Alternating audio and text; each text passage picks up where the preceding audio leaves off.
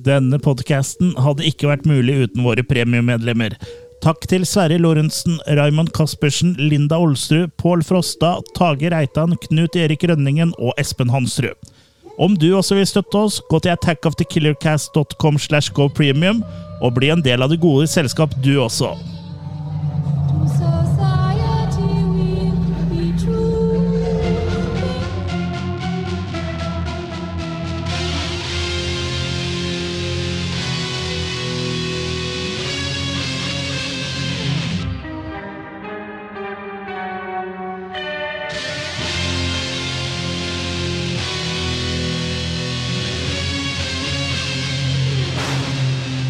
Happy New Year!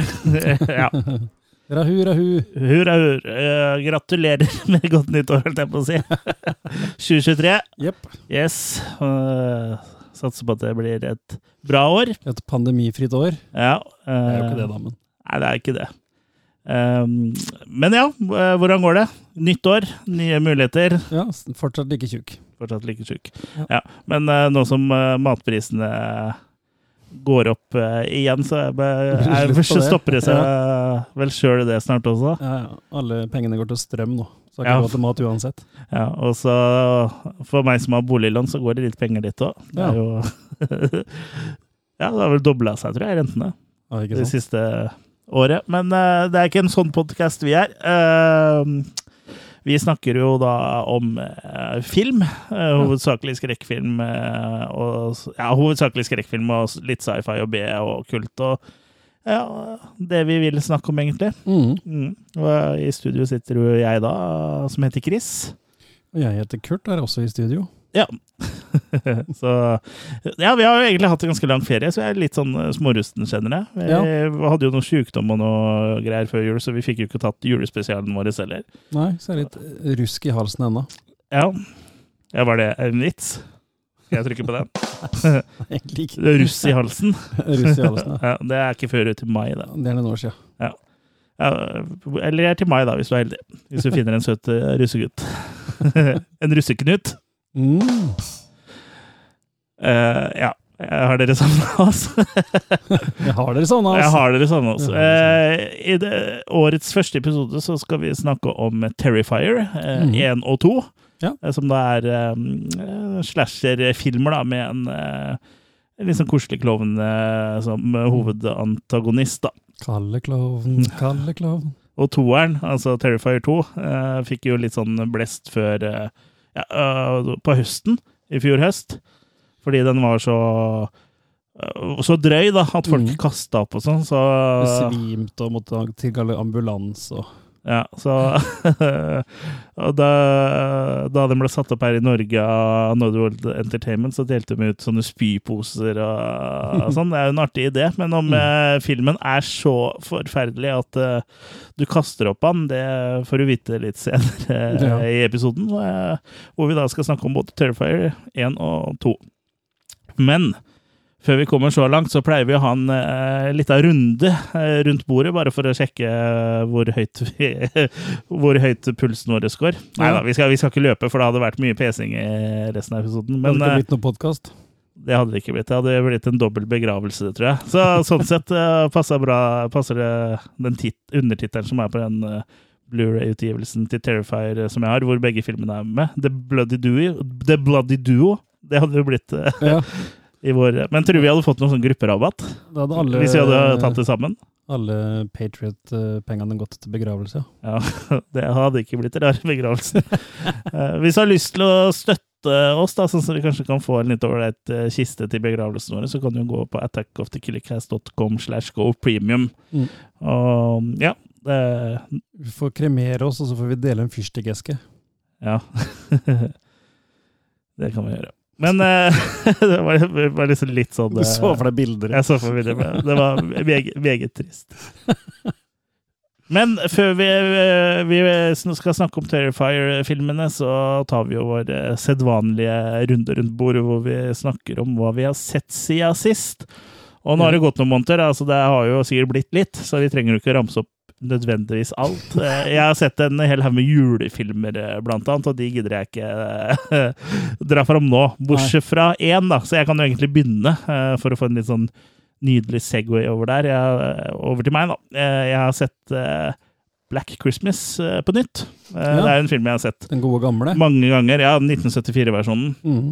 Og vi har vel også anmeldt den før og hatt den med i flere episoder, tror jeg. Jeg lurer på om var den både med i Slasher Collection, holdt jeg på å si, Slasher-spesialen vår, og i en eller annen julespesial en gang, tror du? Ja, eller i hvert fall sikkert kalender-slasher. eh, Ja, Ja, og ja. kanskje slasher og, og Mm. jule. Så det er mulig. Vi har sikkert snakka om den mye, men det er i hvert fall eh, eh, en av de aller første slasher-filmene. Eller egentlig den første, sånn eh, ja, Ja. egentlig. Eh, det eneste det. som var før, var vel en Peeping Tom, og den var Ja. kanskje mer en sånn giallo enn Ja. Mens den her liksom på en måte begynner å vise litt konturene av det som da blir en slasherfilm. da. Mhm. Eh, regissert av Bob Clark, som alle vet, og handler jo da om en sånn eh, ja, Hva heter det? Sorority House? Eh, Ja, forening- liksom ikke Nei, vi har ikke det. Sånn det klubb, klubbhus? Ja. Ja, eller sånn ja, Elevsammenkomst Nei, de bor jo der òg, så det er sånn ja. ja, det er i hvert fall jenter som går på skole og da bor eh, sammen i et hus, da. Ja. Eh, de blir jo da plaga av en eh, en de ikke vet hvem er, da, som ringer og lager skumle lyder i telefonen og skremmer de og sånn. da. Mm. Og etter hvert så tar jo han og tar de av dage én etter én, da.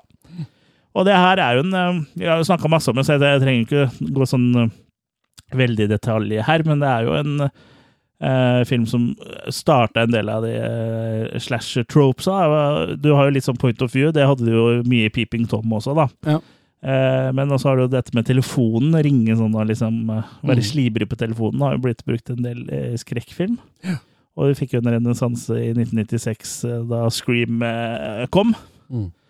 Eh, ja, eh, den er jo egentlig bare stemningsfull og kul, syns jeg. Mm. Den er, det er jo ikke av det mest blodige, men den er eh, Ja, den er kul, da, rett og slett. Den er liksom litt sånn Den er vel kanadisk, og den har litt sånn eh, B-film-feeling, uten at den egentlig er B-film, da. Mm. Eh, sånn sett. Den er jo Det er, det er utenfor Hollywood-systemet, da. Det er det jo, i og med at den er kanadisk. Og så har de jo hun Olivia Hussey hun heter. Olivia Hussey er med. Og så er hun Margot Kidder, eh, Louis Lane, eh, er jo med. eh, Som en, en liten sånn side note der. Hun, Olivia Hussey har nettopp saksøkt et uh, filmselskap som lagde en film med hun og en gutt når de var veldig unge. Ja, Og nå, 40 år etter, så saksøker de fordi at de har liksom utnytta mindreårige da, i seksuell uh, ja, ikke sant. Ja. Vi å er da. dem. Ja, Ja. seksualisere liksom. Ja, Mm, Så ja det, er- hun, trenger, hun trenger vel penger, da? Ja, jeg har ikke sett så mye annet i det siste. Så. Nei. Uh, but she's a hussy. Nei, men eh, det er jo altså, Ikke minst så er jo godeste mm, han eh, John Saxon er med. Ja. Det er jo en sånn Trope i seg sjøl. Trope i seg sjøl. John Saxon som politi, da har du, da har du en slasher. Ja. da har du en slasherfilm. Men um, ja, jeg, jeg syns jo det her er en klassiker, og jeg syns uh, Halloween får jo mye liksom, av æren for å ha har liksom satt i gang det slasher-filmen, eh, men jeg føler egentlig at det her er egentlig den som satte i gang. Altså. Ja, ja, og jeg syns nesten at den er eh, på samme nivå, ja. altså, selv om Halloween kanskje er litt sånn eh, eh, Litt smoothere, på en måte. da. Selv om det, det er ikke mye budsjett der ellers, så er det litt mer, da. Ja. Så er den jo litt mer eh, brutal, kanskje. Halloween. Ja. Ja. Men eh, ja. Nei, jeg er helt enig med deg. Det er en glimrende film. Absolutt. Så for meg så blir det en soleklar eh, terningkast eh, fem, da. Mm. Black Christmas der, altså. Blir ikke jul før Den har jo blitt remaka to ganger. Ja, den ene har vel veldig lite med den originalhistorien å gjøre, men jeg har sett den første som kom på 90-tallet. Nei, 2006, tror jeg Ja, det var. sent, rundt ja. der. Ja. Ja. Og den var ikke noe bra, i hvert fall. Men jeg har ikke sett en annen. Nei, vi har jo snakka om den eh, før, og jeg har sjekka på filmfront.no, hvor uh, vår våre blir registrert av eh, han som driver eh, Filmfront, da. Pål, ja. Og jeg, for jeg mente at jeg likte den litt, og det hadde gitt den fire, faktisk. Oi, såpass, ja. Mm. Du er- sjuk, du. Ja, det er klart det er det. Ellers hadde jeg jo ikke drevet med det her. sorter sammen med meg. Nei. Men eh, ja, da gir jeg stafettpinnen videre til deg, så kan vi gå litt sånn ping-pong fram og tilbake. Ja, eh, som sagt, høydepunkt får vi starte med, da. Et høydepunkt, ja. Et høydepunkt er eh, X. Den har jo du sett før meg. men Ja, jeg har også den snakka jeg vel om i forrige episode, tror jeg. Ja, jeg tror det. Eh, vi er i, tilbake i 1979, og det er rett og slett en eh, gruppe ungdom som reiser på bondelandet på sånn slags Airbnb-typ Ja. avsidesliggende sted. For å lage lage For porr. å lage porr, ja. Ja. Hvor de tror de på en måte kan være litt uforstyrra, da. ja. Den gang ei. Den er ei, ja. Ja. Det her er jo, som du fortalte, en slags eh, throwback til eh, Texas Chainsaw Massacre. Aller mest, vil jeg si. Selv om Ja. storyen er jo helt fresh. Så, men det er ikke noe tvil om at de er, eh, er eh, inspirert der. Uh, Ty West, som har laga den her, er jo en sånn up and coming horrorregissør som eh, ja, rett og slett leverer, da. Eh, og X er ikke noe unntak. Det er en veldig enkel historie. Det er Ja, ja. ikke så mye mer å fortelle, men det funker, det. Det, det, eh, det er et eksentrisk eldre par da, som eier gården som den uh, hytta de leier uh, ja. er, da. Og de uh, Og, og de reagerer jo eh, litt når de finner ut hva de driver eh, Ja. med på den gården. og sånn eh, Ikke på den måten du kanskje først tenker at de vil reagere. Nei, for det er klart, de er jo ikke noe sånn Du skulle jo tro de ikke var så glad i den der promiskuøse oppførsela, Ja. men eh, ja, det er, en liten tvist der, iallfall. ja. Så, Det er det som gjør det morsomt, syns jeg. Og så Ja. liker jeg veldig godt den altså, mm, 70-tallsstilen. Og man naila den ganske bra. Ja, og så leverer de på greit med gore og Mm. Egentlig faktisk mye gore, egentlig. Ja. Faktisk. Så Det er jo første del i en trilogi, faktisk. Eh, For det har jo Ja, for han har vel heter ikke knapt nok sluppet den her før uh, prequelen Pearl kom, vel? Ja, ja, omtrent. Men den har tatt sin tid eh, å komme hit. For jeg har ikke sett noen Blu-ray-utgivelse, og jeg tror ikke han har gått på kino eller noe her. Nei, den har kanskje ikke vært noe Nei, så jeg tror den liksom er eh, litt, litt for ny. Men så skal det også komme eh, en eh, oppfølger til, eh, som da blir en oppfølger av X, som da heter Maxine. Oh, ja. Uh, Maxine Gets a Vaccine. Ah, Nei da, jeg heter bare Maxine, og det er jo ho, uh, hovedrollen i den uh, første, da. Hva med den trippel X med Vin Diesel? Er det?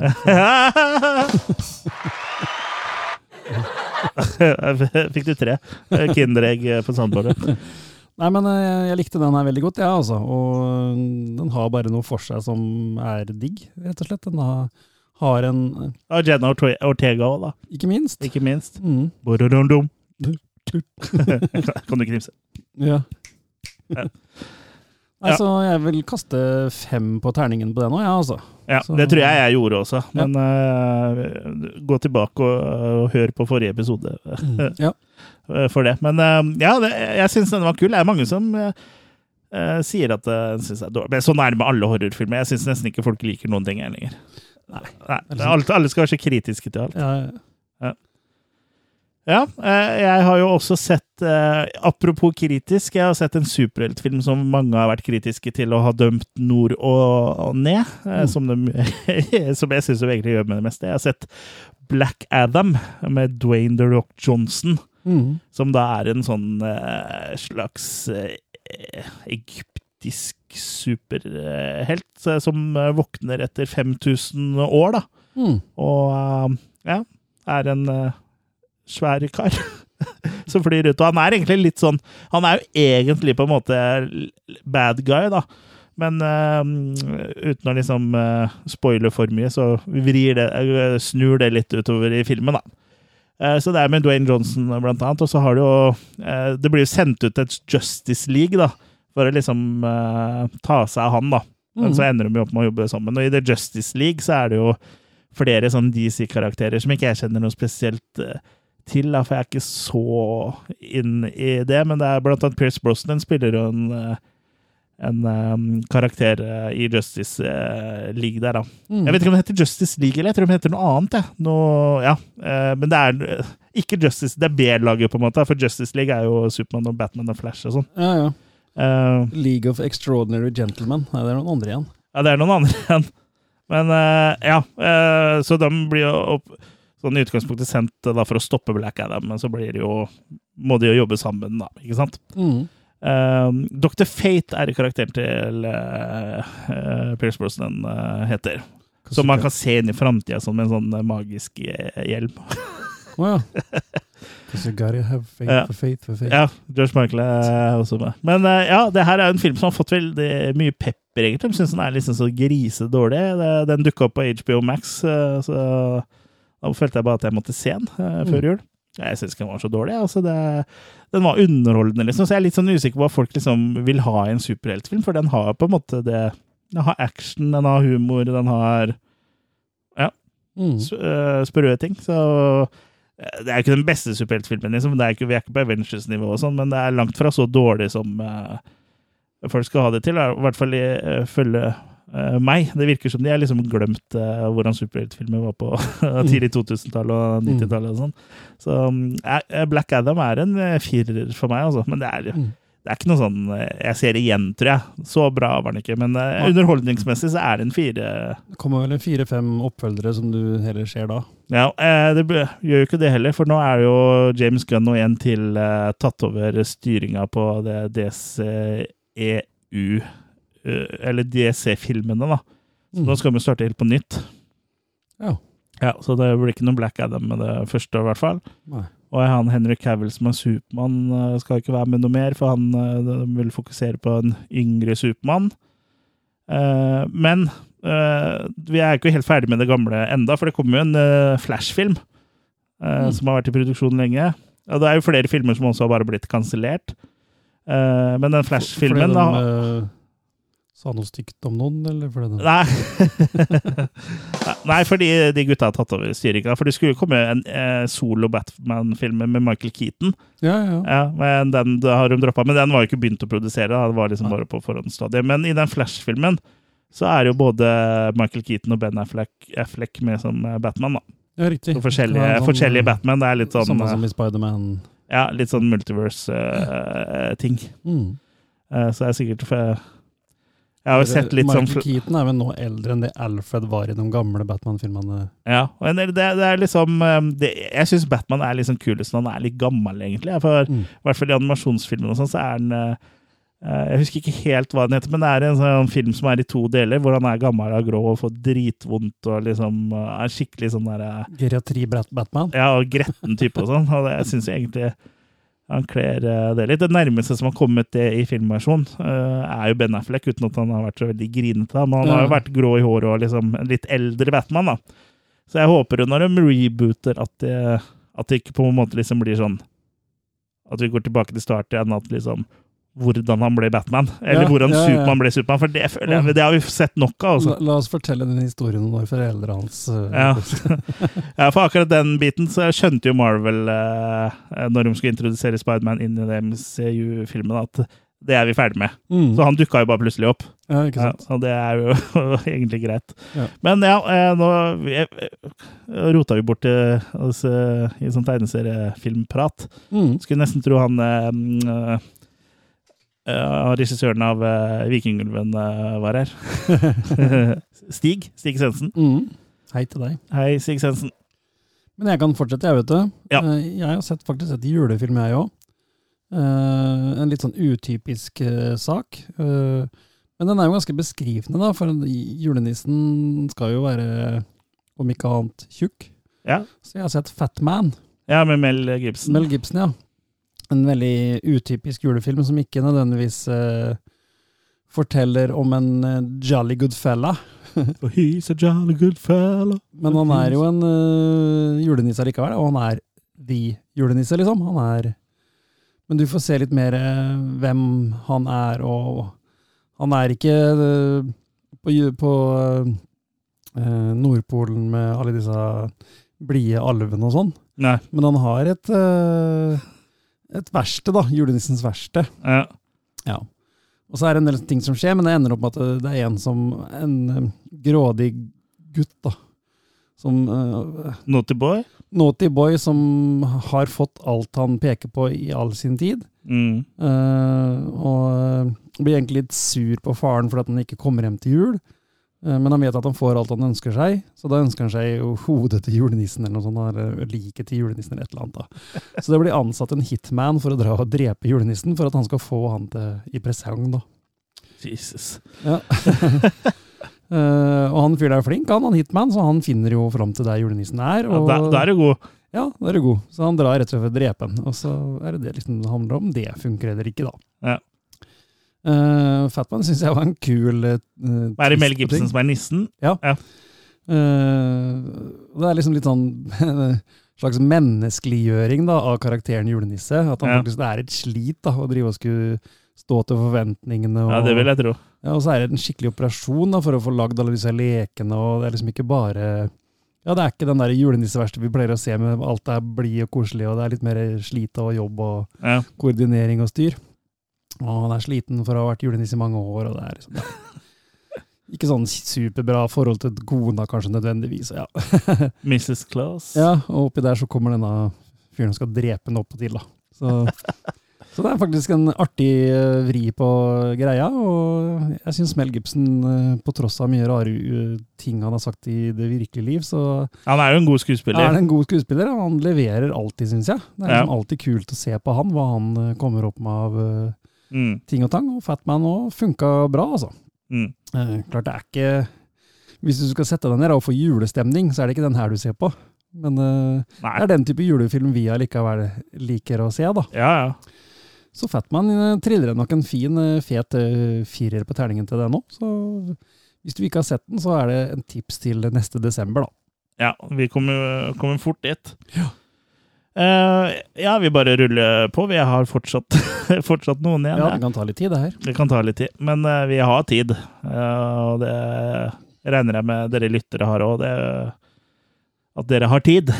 Og hvis ikke har det, så er det bare å høre videre en annen gang. vet du. Ja. Eller hoppe til neste episode, eller forrige episode. Jo, jeg har sett Orphan First Kill, som da Mm. er prequelen til forrige film, som heter Orphan. Eh, som da, for de som ikke vet det, så handler jo det da om eh, en eh, Det er jo egentlig en kvinne, eh, voksen kvinne, som har et syndrom som gjør at hun ser ut som et barn. Så hun later da som hun er et barn. Mm. Og så blir hun da adoptert av en familie, og så begynner hun å gjøre faenskap og drepe litt og sånn. Mm. Og det gjorde hun da i Orphan, som da var den første filmen. Da. Her ser vi jo liksom på en måte da eh, første familien hun infiltrerer, da. Mm. eh, på en måte. Eh, Første hun blir adoptert til. For eh, det nevnes jo i den, forrige, den første filmen at eh, hun har drept en hel familie og sånn, da. Så da, det er jo det her vi får se i den filmen her, da. Og ja, Så det er jo mer av det samme, og jeg tenkte at det liksom kom til å bli litt sånn eh, tregt, på en måte. Eh, men eh, de klarte å slenge inn en twist der som gjorde at det ble litt annerledes likevel. Eh, for eh, hun dukker jo da opp eh, For hun, hun rømmer jo fra et sånn eh, sinnssykehus i, i hjemlandet sitt, som jeg ikke husker helt hvor hvor var nå, men Øst-Europa-typ. Og så tar hun også googler hun etter eh, savnede barn, og så finner hun noe som ligner på seg sjøl. Som da har vært borte så og så lenge, og som liksom passer eh, til alderen hun kan utgi seg for å være, da, som er tolv år. Og så liksom eh, fikser hun litt på utseendet, sånn at hun kan minne om henne, da. Og så blir hun da gjenforent med familien da, som har, eh, har savna henne, på en måte. Mm. Eller ikke på en måte, de har jo uh, savna henne, men det er ikke hun de har savna, for hun er jo borte, da. Eh, så ja, det er en litt sånn uventa twist der. Jeg skal ikke si hva den er, for da ødelegger jeg jo filmen. Men eh, det gjør eh, at den her også er underholdende. Kanskje ikke like bra som den første, men ganske underholdende. Og det som er litt sånn humor her, er at hun Ester spilles jo av samme skuespiller som spilte hun i forrige film, men da var hun et barn Ja. som spilte voksen.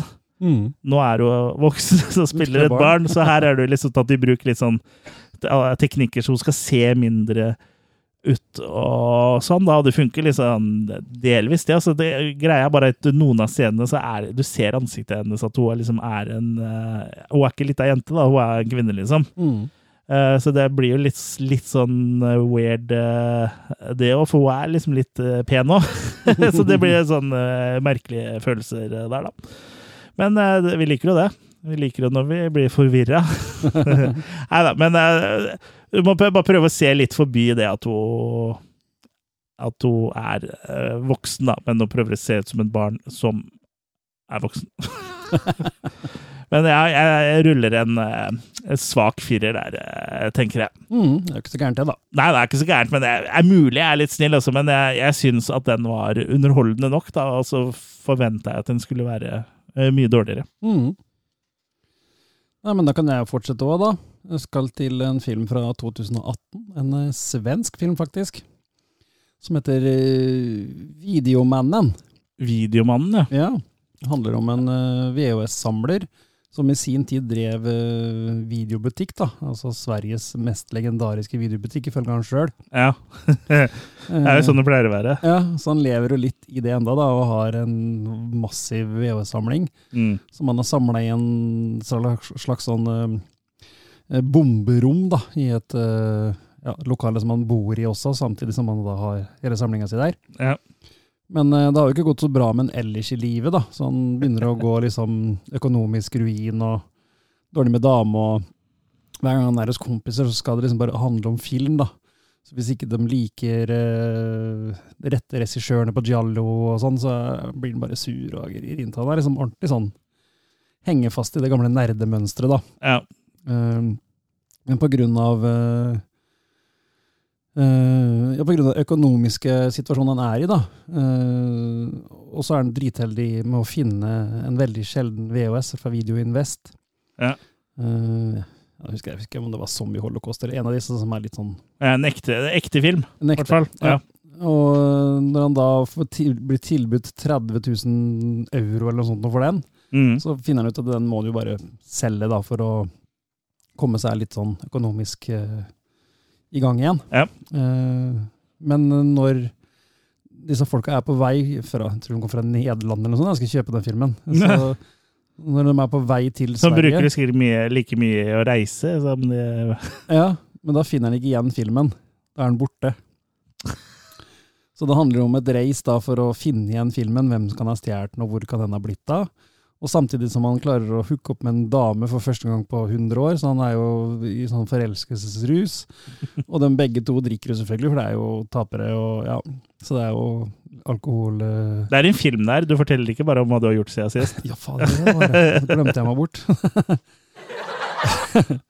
Nei da, men eh, det er et sånt sammensurium. Men det som er litt gøy her, er som jeg sier, det er eh, disse folka som spiller. Mm. Flere av dem er noen av Sveriges store VØ-samlere.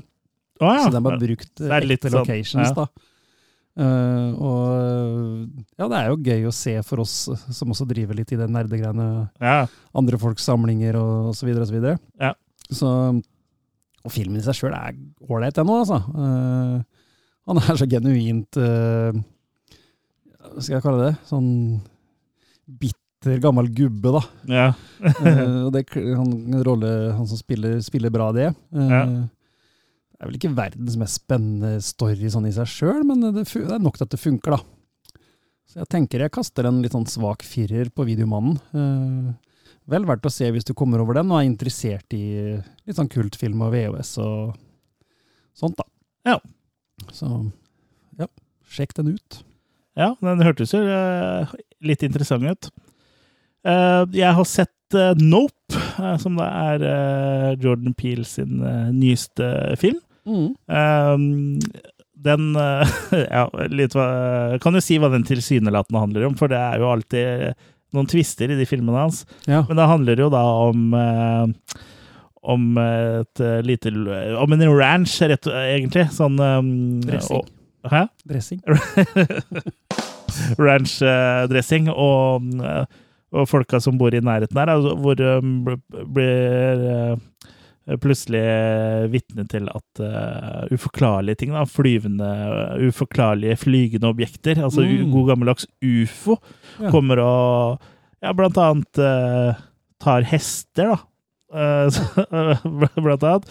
Eh, Så de begynner å sette opp sånn videokameraer og sånn, og prøver å finne ut av det her, da, og får jo stadig Jo lenger ut i filmen, jo mer kontakt får de jo med eh, dette uidentifiserte flyvende objektet, da, og Mm. kommer jo til slutt eh, helt inn på det, selvfølgelig. Og jeg skal jo ikke si noe om det, annet enn at eh, ting ender litt annerledes enn det du først tror, da. Mm. Eh, og det, ja, for det høres jo litt sånn veldig standard ufo, ufo-historieaktig ut, eh, dette her. Liksom sånn sci-fi, og, Ja. og det kommer besøkende, og det er litt sånn uhu. Men eh, den eh, er litt mer enn det, da, så den Jeg har liksom ikke lyst til å si så veldig mye mer om den, for den, er, den har noen overraskende vendinger her, så den er egentlig veldig kul, syns jeg, og den har en sånn slags um, den nå har en sånn helt egen sånn stil, for det er jo uh, Det er jo ute, ut på en ranch. Det er, uh, utav, det er i Los Angeles et sted, så det er, den ranchen driver jo å og trener dyr og sånn til filmer og sånn, da. Ja, Så ja. er det de livnærer seg av. Så det er det jo dårlig at hestene deres eh, blir borte, ikke sant. Så det er viktig at de finner ut av det her. Men det, er liksom sånn veldig sånn bra stemning, og måten ting er liksom filma på og sånn, da. Mm. Og så har han jo Føles som han eh, går litt sånn i Tarantino-retning på en eh, måte òg. Han ja, Filmen er jo delt opp at det kommer sånne der store tittelskjermer, vet du, og så er det Ja, ja. for hver karakter, på en måte. eh, Mm. Og sånn, så ja, den er, blir liksom noe spesielt, altså. Den er, er ikke så lik de andre filmene hans, egentlig. Nei. Den er liksom litt mer sånn eh, over i sci-fi, men land, men liksom ikke så Ja, de to forrige har jo egentlig vært litt sånn for, forskjellige fra hverandre, de òg, men ja. Jeg syns, syns den er veldig bra. Mm. Så det, ble, det er en klar femmer eh, fra meg, det, altså. Ja, han holder jevnt eh, Ja, den holder interessen, men den har, den har liksom ikke helt eh, den dramaturgien du liksom på en måte forventer. da. Mm. Men jeg syns det på en måte kler filmen eh, bra. Og du har jo blant annet et flashback til en av karakterene der, som var en sånn barnestjerne. mm. Eh, det her føler jeg kan spoile, da, for eh, eh, hvor det, Han spilte i en sånn sitcom hvor det var blant annet med en ape. da. Mm. Og den eh, serien der ble jo lagt ned eh, veldig fort, for som du ser i et flashback, så gikk jo den apen bananas. Mm. og drepte flere av skuespillerne da, som var med. Barneskuespillerne. Kjekt. Ja, veldig kjekt. Så det, det er bare sånn what the fuck, liksom. Og sånn, Starten på Planet of the Apes. og sånn Det er mulig at det var å spoile litt mye, men det som er litt sånn øh, kuriositet, er at det har jo har ikke noe med resten av handlinga å gjøre. Det har, har jo med den ene karakteren å gjøre, Ja, ja. selvfølgelig, men det har jo ikke noe med det, det alien-greiene å gjøre. Men det er liksom hans bakhistorie, da. Ja, ja. Ja, så det Akkurat det, det er verdt, er verdt filmen i seg sjøl, altså. Mm. Men uh, ja, femmer på Nope, altså. Da kan jeg hoppe videre til eh, noe nyere igjen. Eh, Jeg har vært og streamet igjen på Disney pluss, vel. Ja, Eh, Pinocchio. Ja, den nå, men den jeg hoppa over. Ja. Nei, det er Pray. Ja, den har jeg sett også. Den har jeg vel snakka om, tror jeg. Jeg tror du har snakka om den Ja. du òg. Du så den ganske tidlig. Eh, vi er også i Predatorland. Der sånn- går allting an. Ja. En slags prequel, vi kan vel kalle det, da. Ja. For vi skal tilbake i uh, Ville Vesten, holdt jeg på å si. Det er jo eh, indianere versus Det er det lov å si lenger. Innfødte amerikanere. Ja, Og det er jo egentlig før det ble Ville Vesten nå, egentlig. Det er jo Ja, det er rett før. Ja. Vi skal til Comanchiene. Mm. Så du den på engelsk eller comanche? Jeg så den på engelsk. Ja. Altså, angrer jeg litt etterpå, for jeg hadde glemt at det gikk an å velge native language. da. Ja, men den er, det er den jo Jeg passer ikke til munnen, da. Den er dubba. Ja, sånn, ja. Ja. Mm, ja. Så det er like rett å se på engelsk, da, tenker jeg. Ja da. Men eh, Ja, som sagt, det er rett og slett bare en, eh, en, tribe som får besøk av eh, universets beste jeger, holdt jeg på å si. Ja. ja. Og indianerne var jo jegere, så det er jo et artig konsept, da. Hvordan Ja. skal de løse dette her uten uh, gunnerne til Schwarzenegger eller uh, et etc. Ja. Uh, jeg syns uh, Prey gjør uh, mye riktig, altså. Uh, Jeg liker jo blant annet at den ikke heter Predator jeg, da. At de faktisk har turt å Kalle den for noe annet, ja. kalle den noe annet. Ja. For selv om den, det er ikke noe tvil om at hvilken univers vi er i her, så er den jo veldig annerledes enn de andre i franchisen også. Ja. Den viser vel kanskje selve Predatoren mye mindre, blant annet. Uten at det nødvendigvis gjør noe. Ja, den er mer i stil med eneren, egentlig, Ja, enn, egentlig. enn de andre Ja, Predator-filmene. det er faktisk det. Ja, nå har ikke jeg sett absolutt alle. Jeg tror jeg mangler Predators og Ja. The Predator. tror jeg ikke jeg har sett. Jeg, jeg, har sett, jeg Ja. tror jeg har sett alle nå. Ja. Men uh, Prey funker den. altså. Jeg liker stemningen i den. Jeg liker uh, ja, skuespillet. Jeg liker uh, ja, det meste her, egentlig. Jeg Ja. syns bare det var en kul eh, Ja, og det, det, det jeg liker jeg liksom sånn eh, Både med Nope og Prey og sånn, er at, eh, at de liksom tar seg tid til å bygge verdener, på en måte. Ja. Og liksom vise verdener. For det er jo, Prey er jo på en måte en slow burner til å begynne med. Der, Ja, hvor ja. du får se det Bli med på dette innfødte amerikanerlivet, da, eller indianerlivet. Det må være lov å si. Det. Ja. Ja, men, så det Ja. Det, jeg liker litt det, da. Og at at man på en måte liksom får bli Får kommet inn i den verden. Akkurat som uh, Exo gjør jo det, bruker litt tid på å introdusere ja. oss, eh, og liksom at vi kommer inn i, i verden og får liksom uh, Ja, føle, føle, på, føle på det.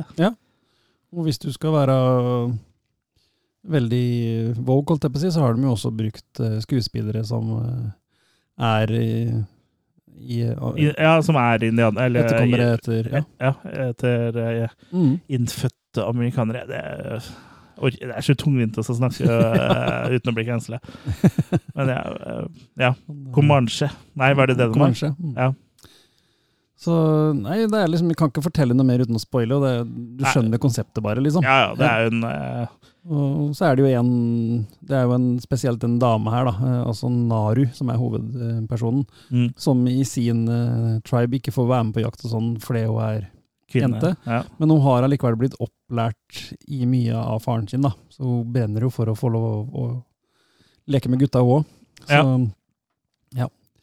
Nei, jeg vil bare rett og slett kaste terningkast fem på denne. Jeg likte den veldig, veldig, veldig godt. ja, jeg syns den er eh, veldig bra, altså. Så håper at de eh, fortsetter i de baner der. Og det, det som er så bra med eh, Predator-opplegget òg, er jo at de kan jo liksom dra til hvilken som helst år Ikke års, Mm. årstid, det er jo, de kan jo det òg, men liksom i hvilken som helst sivilisasjon og når som helst i historien, liksom. Mm.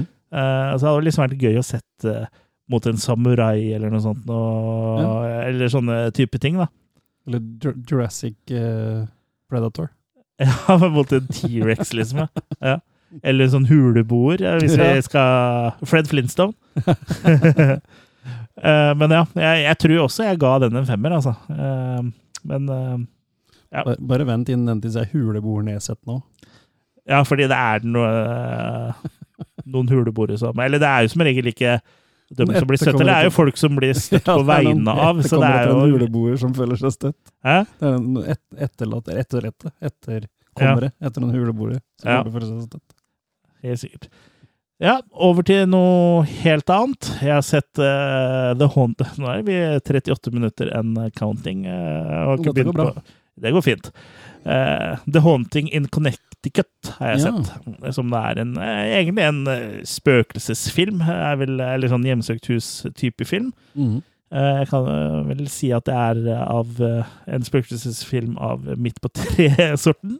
Handler om da familien Campbell som flytter til Connecticut da, fordi sønnen der har jo noe uhelbredelig sykdom og må få behandling i Connecticut. Og de bor eh, visst i en annen stat, altså for å slippe å kjøre fram og tilbake.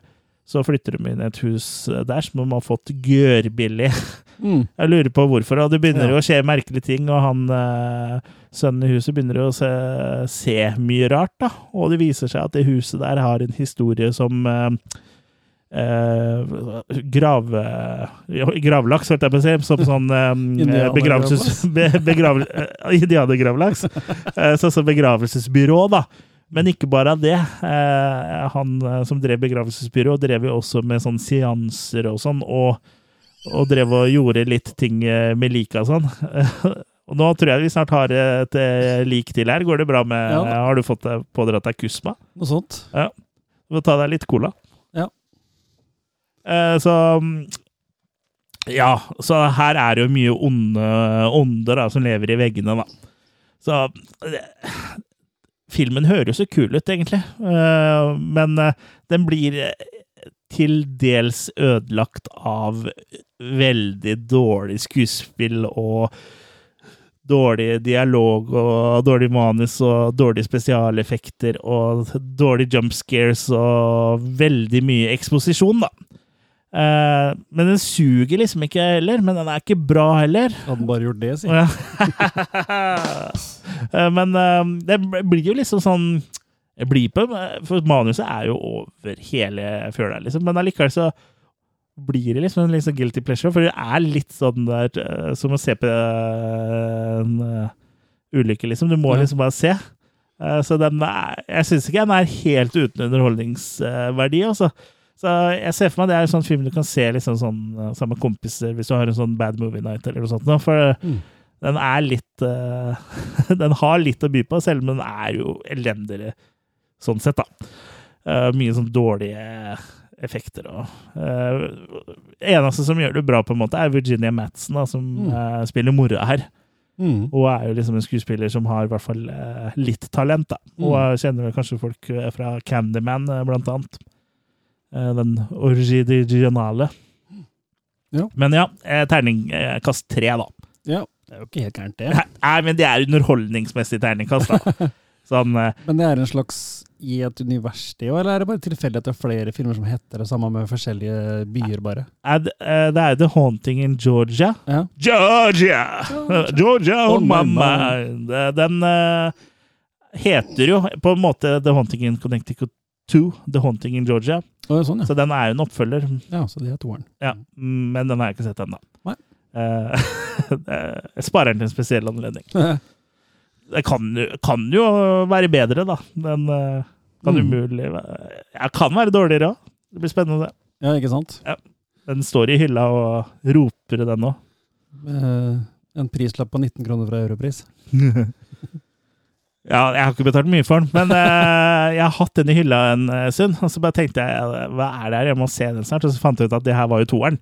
Så da måtte Ja, ja. jeg jo kjøpe den uh, Connecticut, og den er ikke så lenge siden jeg kjøpte. Da så jeg den. Men jeg ble ikke sånn kjempegira på å se toeren. Men jeg ble litt, litt mer gira nå. Du tenkte på toeren? Oh. Nei, men vi kjører på, vi, så vi kan bli kanskje ferdige en gang. Jeg har sett mer en ny film på Disney pluss. Ja. Barbarian. ja, den er, Mm. har, nevnte vel jeg Snakka vel jeg om i den uh, Vikingulven-episoden, tror jeg. Ja, det kan stemme. Uh, vi skal til mer sliten, sl slitne steder å bo. Altså mer Airbnb og Ja. Ja. Det er eh, rett og slett en dame som uh, må til Detroit på noe businessgreier. Mm. Detroit et City. eh, intervju, jobbintervju. Det er egentlig uvesentlig, men eh, eh, for å bo billig så tar hun inn på en Airbnb, og det stedet ser jo ikke akkurat ut som verdens navle lenger. Nei, selve det huset ser ikke så ille ut. huset er fint. Men uh, området Men rundt har jo rundt, Du kan tenke deg sånn ja. som du ser Detroit når du ser på film. Ja. Og så viser det seg at det er blitt en dobbeltbooking der, da. Så Mm. Pennywise er allerede flytta inn. ja. Eller Bill Skarsgård, da. ja. Skuespilleren. Det er bra casting òg. Ja. Fordi du, tenker at med en gang du ser han at noe er udda. Ja, absolutt. Her er det noe creepy. Ja. Men det skal vise seg at øh, det er kanskje ikke noe veldig spoiler, men det er jo ikke nødvendigvis han som er creepy Nei. på den plassen der. Nei. For det- øh, det er flere beboere der. Ja. Er det, det det som kalles for sånn gjenboere, når det står sånn i eh, annonser 'ingen gjenboere'? ja, det. Ikke sant? ja. ja, for det er, det er jo noe mer der. Ja. Kanskje ikke noe vits i å spoile noe der. For Nei, jeg bør ikke spoile, men kan Men det, også det, men det er jo der liksom de tvistene der uh, Jeg så ikke den komme, for jeg var så opptatt av liksom sånn uh, Av Bill Skarsgård, da, som du tenker liksom hva, for, hva er det Hva skal kommer finne på hva Og så liksom kommer det andre greiene. Ja, Eh, er det kommer bra, det. uventet. absolutt. Og appåtil så er han som eier huset. Han havner midt oppi en sånn metoo-skandale. Ja, han, han er skuespiller. Ja, han er skuespiller, ja, eller noe sånt, ja. Og så er det en medskuespiller som beskylder han for eh, Ja. litt greier. Så han trenger penger til advokat. Så han finner ut at han skal selge det huset, da. ja. For han har jo ikke noe jobber lenger heller, så det Nei. Så han drar jo til huset sitt for å liksom gå gjennom og prøve å få kvitta seg med dette her, da. Eh, så ja, jeg kan jo ikke fortelle mer her eller uten å Nei. spørre så mye, men eh, eh, litt artig at Justin Long, da, sp- fra Jeepers Creepers-filmene, Ja, sp spiller et metoo-offer. ja. ja. Det er, er artig. Og han er Justin Long, når han er med i en eh, horrorfilm, da går det ikke så bra for han. Det kan du si. også Han var jo også med i den Tusk. Ja, ja, ja. Han eh, endte jo opp uh, på en ikke så innmari bra måte der heller. Så han det begynner å bli sånn eh, trope, det at hver gang han er med, så kommer det til å eh, gå jævlig for han. Ja. Og uten å spoile for mye, så går det ikke helt hans vei her heller. Nei, Men Barbarian har en skikkelig eerie følelse. Uh, funker bra på å holde suspensen her, og, Også igjen god til å bygge liksom eh, verden. og god til å komme med, med um, overraskelser, da. Ja. Så flere, attpå til flere, så det det tar liksom litt av, for å si det sånn. Ja, og det er en film eh, Jeg hørte jo at man ikke burde lese eller se noen trailer eller noen ting, bare se filmen, og det var jo Mm. det jeg gjorde. Ja, Samme her. Ja. Så klart, det er vel litt som gjenstår sånn på slutten. Den virker litt sånn rusha. ja. Men eh, uansett, det her er kult, det her, altså. Så en, eh, ja. må kaste Det blir en firer, iallfall. Så Ja. Barbarian òg er eh, vel verdt eh, en kikk. Jeg lurer på om den nesten ga en femmer, jeg, det jeg synes han var såpass kul. Jeg husker ikke helt. Men Mm. uh, jeg synes det, sånn, det virker som sånn skrekkfilm er litt mer sånn tilbake på sånn uh, som det var før. Sånn på 70- og 80-tallet, men litt sånn At det er litt sånn sprø ting og Ja, litt mer sånn uh, enn at det bare er en eller annen fyr da, som dreper og Ja. Ja. Og så er det liksom litt sånn bra håndverk hele veien, på en måte. Ja. Det er, eh, er det, ikke, ja, det er kjent, men allikevel føles nytt. Ja, ja Mm. det Jeg kan ikke si at den liksom Ja, og det, det, er mye det med den overraskelsen på de tvistene som gjør at at det heves eh. Hvis jeg hadde visst det der hadde kommet, så hadde det jo ikke blitt like kult. Nei, spørs om gjensyn funker så veldig bra med det første. Ja, Og eventuelt oppfølger når du vet om det. Men da kan du kanskje finne andre ting de kan overraske deg med, da. Prequels. Eh, jeg har tre filmer som jeg skal ta i én jafs nå. Mm. Eh, for det er Som da blir siste fra meg, før vi begynner med Terrifier. Mm. Eh, for vi, vi må jo snart legge oss. Nei da. Ja. Eh, vi har plenty med tid. Jeg har tatt et gjensyn med en eh, trilogi. Mm. En veldig lang trilogi som varer et halvt døgn, hvis du ser Extended Edition eh, av de til, sammen. da. Og det er jo da Ringenes herre. Lord of the Fiserings. Mm. Og de er jo eh, veldig lenge siden jeg har sett. Jeg tror ikke jeg har sett Extended Edition, eh, eller Ringenes herre for den saks skyld, siden jeg, jeg så de på DVD. For jeg så jo filmene på kino da de gikk på kino, og så Mm. så jeg de da de kom på DVD, og så så jeg de Extended Editions. Mm. Og nå så jeg de da på eh, 4K, da. Ja, ja. Jeg har jo kjøpt Blu-ray-versjonene som ikke er blitt, blitt kikka på også. Mm. Men eh, det er jo liksom filmer du må på en måte sette av litt tid til dette her. Um, ja, det var et bra gjensyn. Altså, det, det handler jo om noen hobbiter som skal dra til Mordor for å kaste en eh, ring i en vulkan. da. Jeg trenger ikke forklare hva Ringenes herre handler om. Det Nei. regner jeg med folk eh, vet. Men eh, det var et bra gjensyn. Jeg synes det er fi det er liksom det ypperste av sånn uh, eventyrfilmer som jeg kan tenke meg, da, hvor det er sånn Mm. dverger og fantasy Småfolk. ting. Ja, dverger er vel ikke lov Jo, det er lov å si her, for det er jo ikke, det er jo ikke mennesker. Nei. Hobbiter. Ja, hobbiter og dverger og alver og det som er. Nei, jeg syns det sto seg bra. Jeg fikk jo lyst til å se disse filmene etter at jeg så den uh, prequel-serien på Amazon. Den uh, uh, Rings of Power. Mm. Eller Ja, det er det den heter, ikke Jo. Jeg husker ikke, jeg. Kraftens ringer på norsk. Tror jeg stoppa etter en episode eller noe Ja, sånt. jeg syns den var veldig eh, bra. Så uh, Ringenes herre holder seg bra. Eh, noe av CGI-en og sånn ser jo ikke like bra ut, men eh, det kunne vært mye verre, da. Mm. Men det, det som jeg reagerte mest på uh, når jeg så det i 4K, er at uh, du vet at de har brukt mye sånn in camera effects for at uh, de skal se eh, For uh, de som er hobbiter og dverger og sånn, er jo eh, normalt store. Mm. De hovedskuespillerne, i hvert fall. De har brukt en del stand-ins og sånn.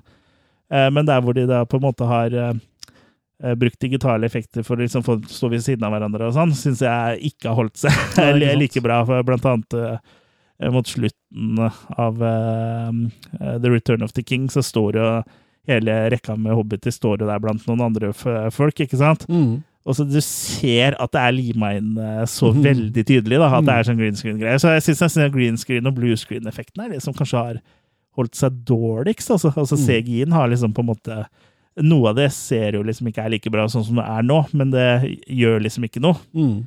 Og det er jo veldig imponerende uansett, mens det liksom green screen-greiene der eh, har det skjedd mye. skjedd mer der, tror jeg, på de siste sju åra. Ja. Er det Men- ikke en scene hvor det er et tog eller flyr et eller annet i bakgrunnen? Ja, det la ikke jeg merke til. Nei, ikke heller. Kan hende det er fjerna i den 4K-versjonen. på Mest RTV. sannsynlig redigert bort, ja. Ja. Men en av dem En bil i skogen skal det være. Ja, noe sånt. Men sånn sett er det jo bra at de ikke har gått inn og gjort eh, disse effektene bedre, da. ja. Ja, altså, jeg syns jo det er bra at de liksom på en måte har beholdt filmene sånn som de er. Så ja, Mm. det var jo ekstremt lange filmer. Uh, Return of the King var vel det lengste som var nesten fire og en halv time, tror jeg. Ja. Men uh, det føles jo ikke langt, da, for det er, jeg syns jo uh, synes jo de filmene er knallbra. Men det er som sagt, det er jo, begynner å bli en del år siden jeg så dem sist, og det blir nok noen år til neste gang òg. Ja. men ja. Det er klassikere, det er klassikere syns jeg. Så det er eh, Jeg vil vel egentlig si at alle er uh, terningkast seks, men kanskje seks minus eh, på The Two Towers. Så 17,5 til sammen. Ja, ja.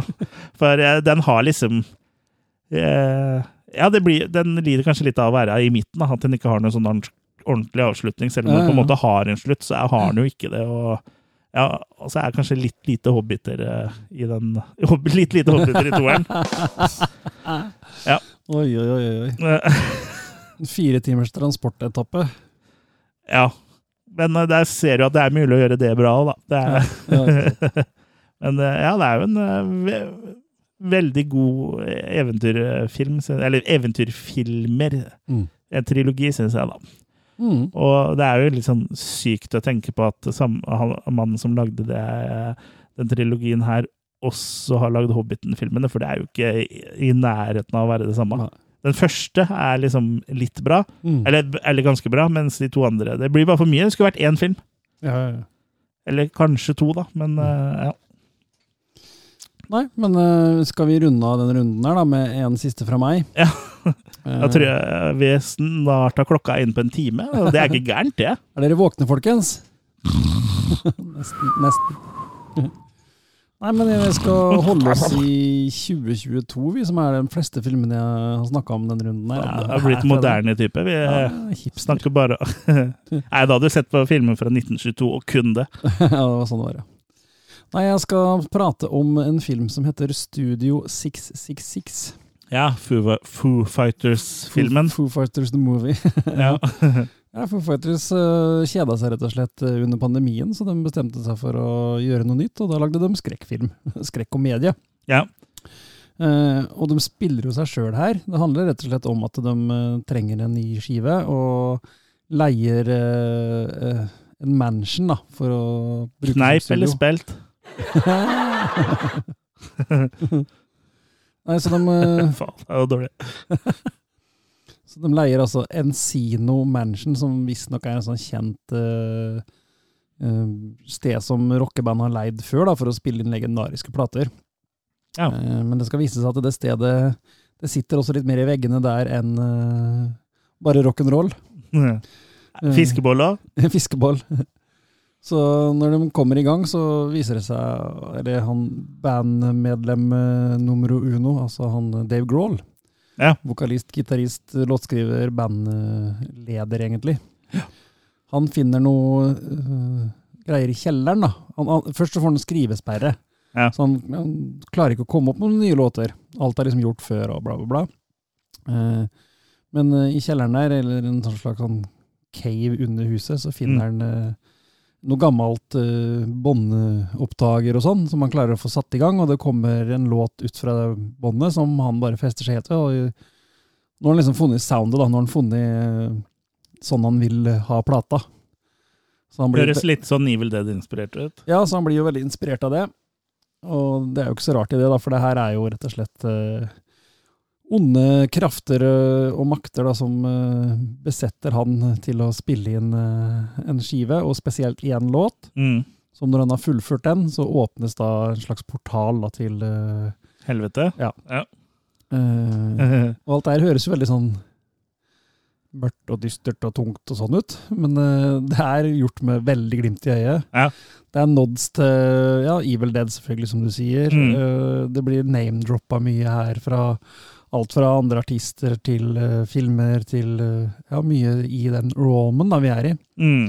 Uh, med rock'n'roll og, og horror. Uh, Horror! Det er kult at blant annet Carrie King fra Slayer spiller en rolle her. Ja. De har en egen sånn high five-greie de gjør når de er fornøyd i bandet, da. ja. Hvor de name-dropper eh, Pearl Jam, for de har en Pearl Jam high five.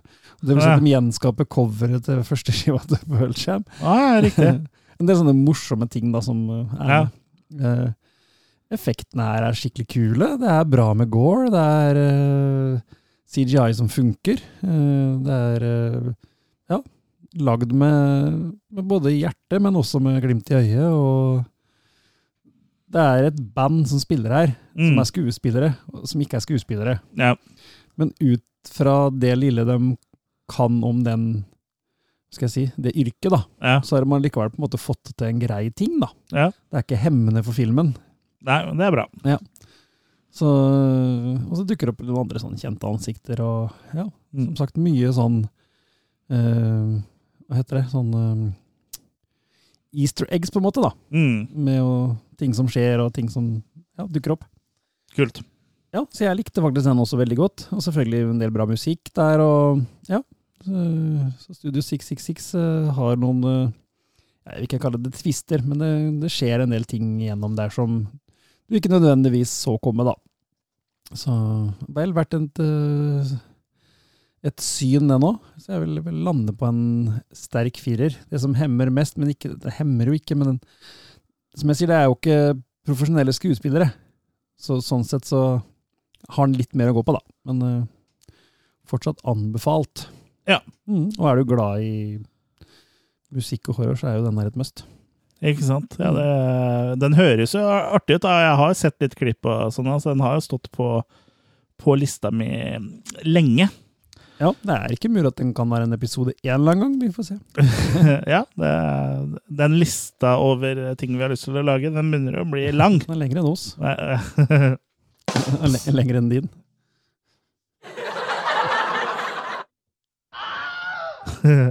Det Wilhelm-skriket hørte jeg faktisk eh, på Atter en konge. Der var det en sånn fyr som datt ned fra noe sånt som ser ut som sånne svære elefanter her, hvor eh, han eh, Legolas skjøt en pil på den eller noe. Ja, ja, ja. datt den ned og ja. Lagde den lyden. Men ja, fra Wilhelm-skriket til uh, nyeste skrik, holdt jeg på å si. Det, vi skal ikke lage det, Den eh, overgangen der kunne jeg jo kan spare til hvis vi skal lage episode om nyeste skrik, ja. som kommer i mars en gang. Eh, vi skal jo da snakke om Terrifier-filmene, som eh, er eh, det episoden eh, handler om. Men vi hadde en real god runde med hva vi har sett siden sist, så uten eh, noe Uten further ado, så kan vi jo bare hoppe rett i det og snakke om Terrifier. What if that guy did this to your car? What guy? The clown? You really think someone slashed my tires? Well, he knows this is your car. He saw us getting into it earlier. Hey, handsome! Cut it out. My friend wants your number. Kill you. What is it, Tara? Dawn and I are sort of stranded. She has a flat tire and no spare, and I was kind of hoping you could pick us up.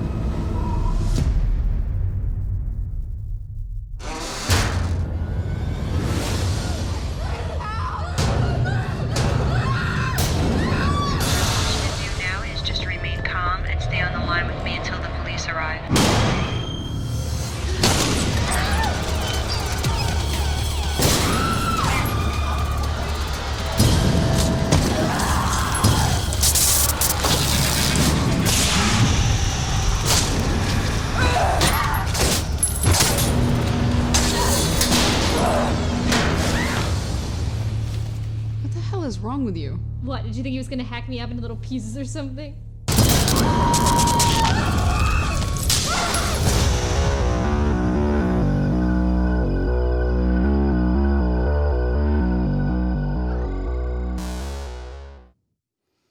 Damien Leones Terrifier fra 2016.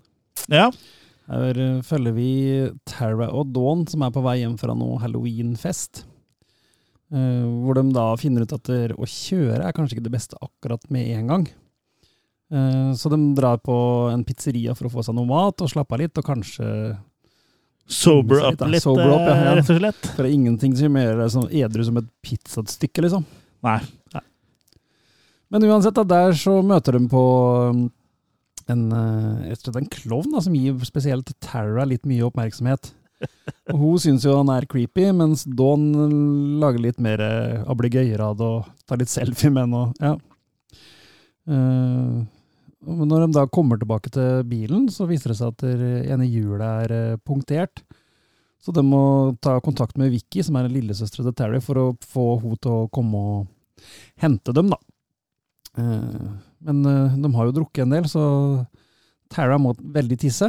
Eh, Og det nærmeste huset er, ser ut som det egentlig er forlatt på et vis, men det skal vise seg at det rett og slett er, er låst og lokka fordi det er fullt av rotter der. Så Ja, hun skal drive med sånn eh, Så en sånn- ja, skadedyrsbekjempelse. eller hva jeg skal si. Ja.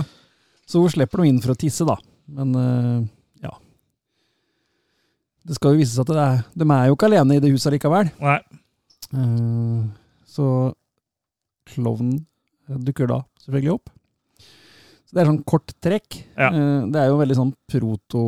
protos, ja, Jeg kaller det slasher, da, selvfølgelig. Ja, det er en sånn slasher, men liksom litt sånn back to the roots, da, Ja. på en måte, for den er jo veldig enkel. Ja. Eh, For den eh, Plottet er enkelt, da. Det er jo bare to jenter som prøver å komme seg hjem, og så er det en psyko-morder som på en måte fatter interesse for dem og vil drepe dem. Og de er litt it. isol isolert, for de kommer seg ikke noe sted, liksom. Og, Ja. Ja.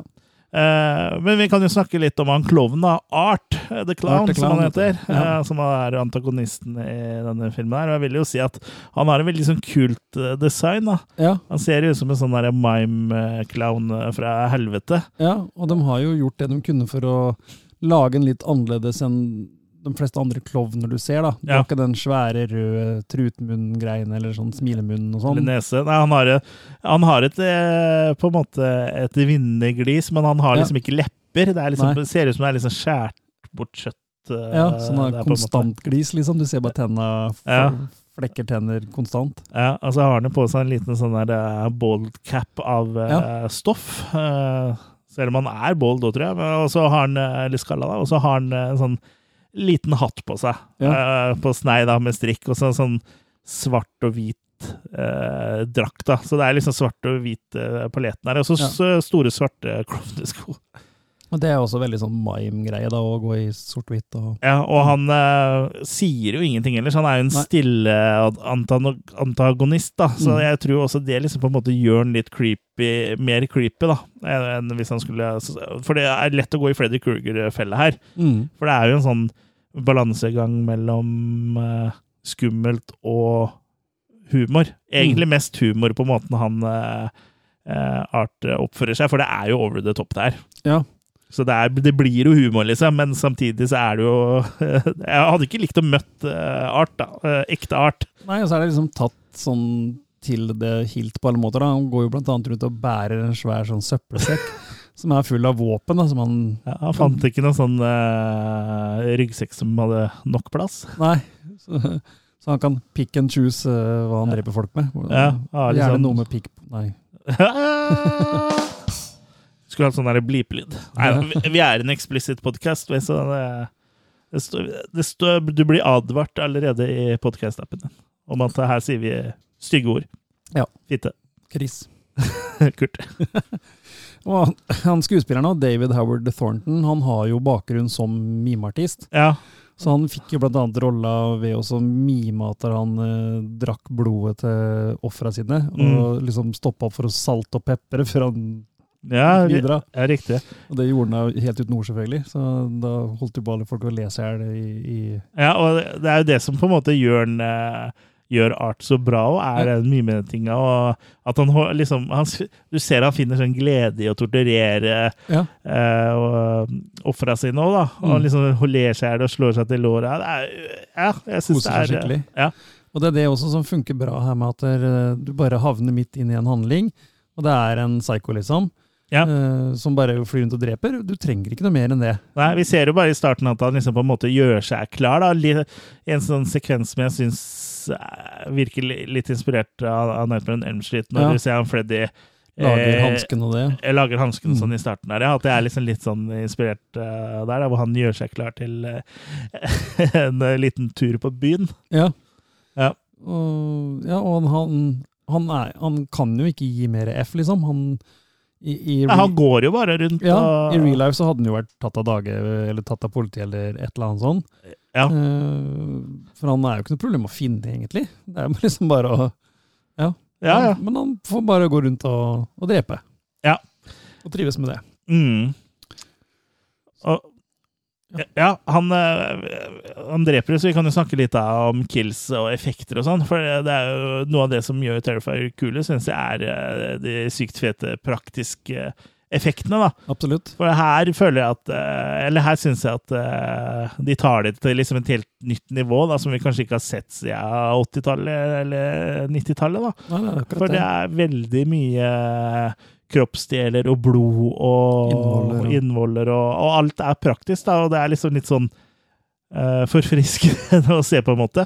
Ja, så er det oppfinnsomt, da. Det er mye oppfinnsomme kills, ja. Starter du blant annet inn på den pizzeriaen hvor han ene som driver der, han blir jo får hodet sitt uh, kappa av. ja. Og så utstyrer han øyehulen hans med sånn uh, stearinlys. Ja, Så han ser ut som en sånn Jack og Lantern. ja. ja. Det er ve- ve veldig mye eh, sånn oppfinnsomme kills her. Altså, altså er jo det, hovedkill, holdt jeg på å si, Ja. i Terrifier må jo være da Han tar Ah, uh, Dawn og Dage. Ja, han, eh, he, Dawn henger da opp ned, naken, mens han da Art da skjærer henne med motorsag fra Ja. dåsa og ned, liksom, på langs.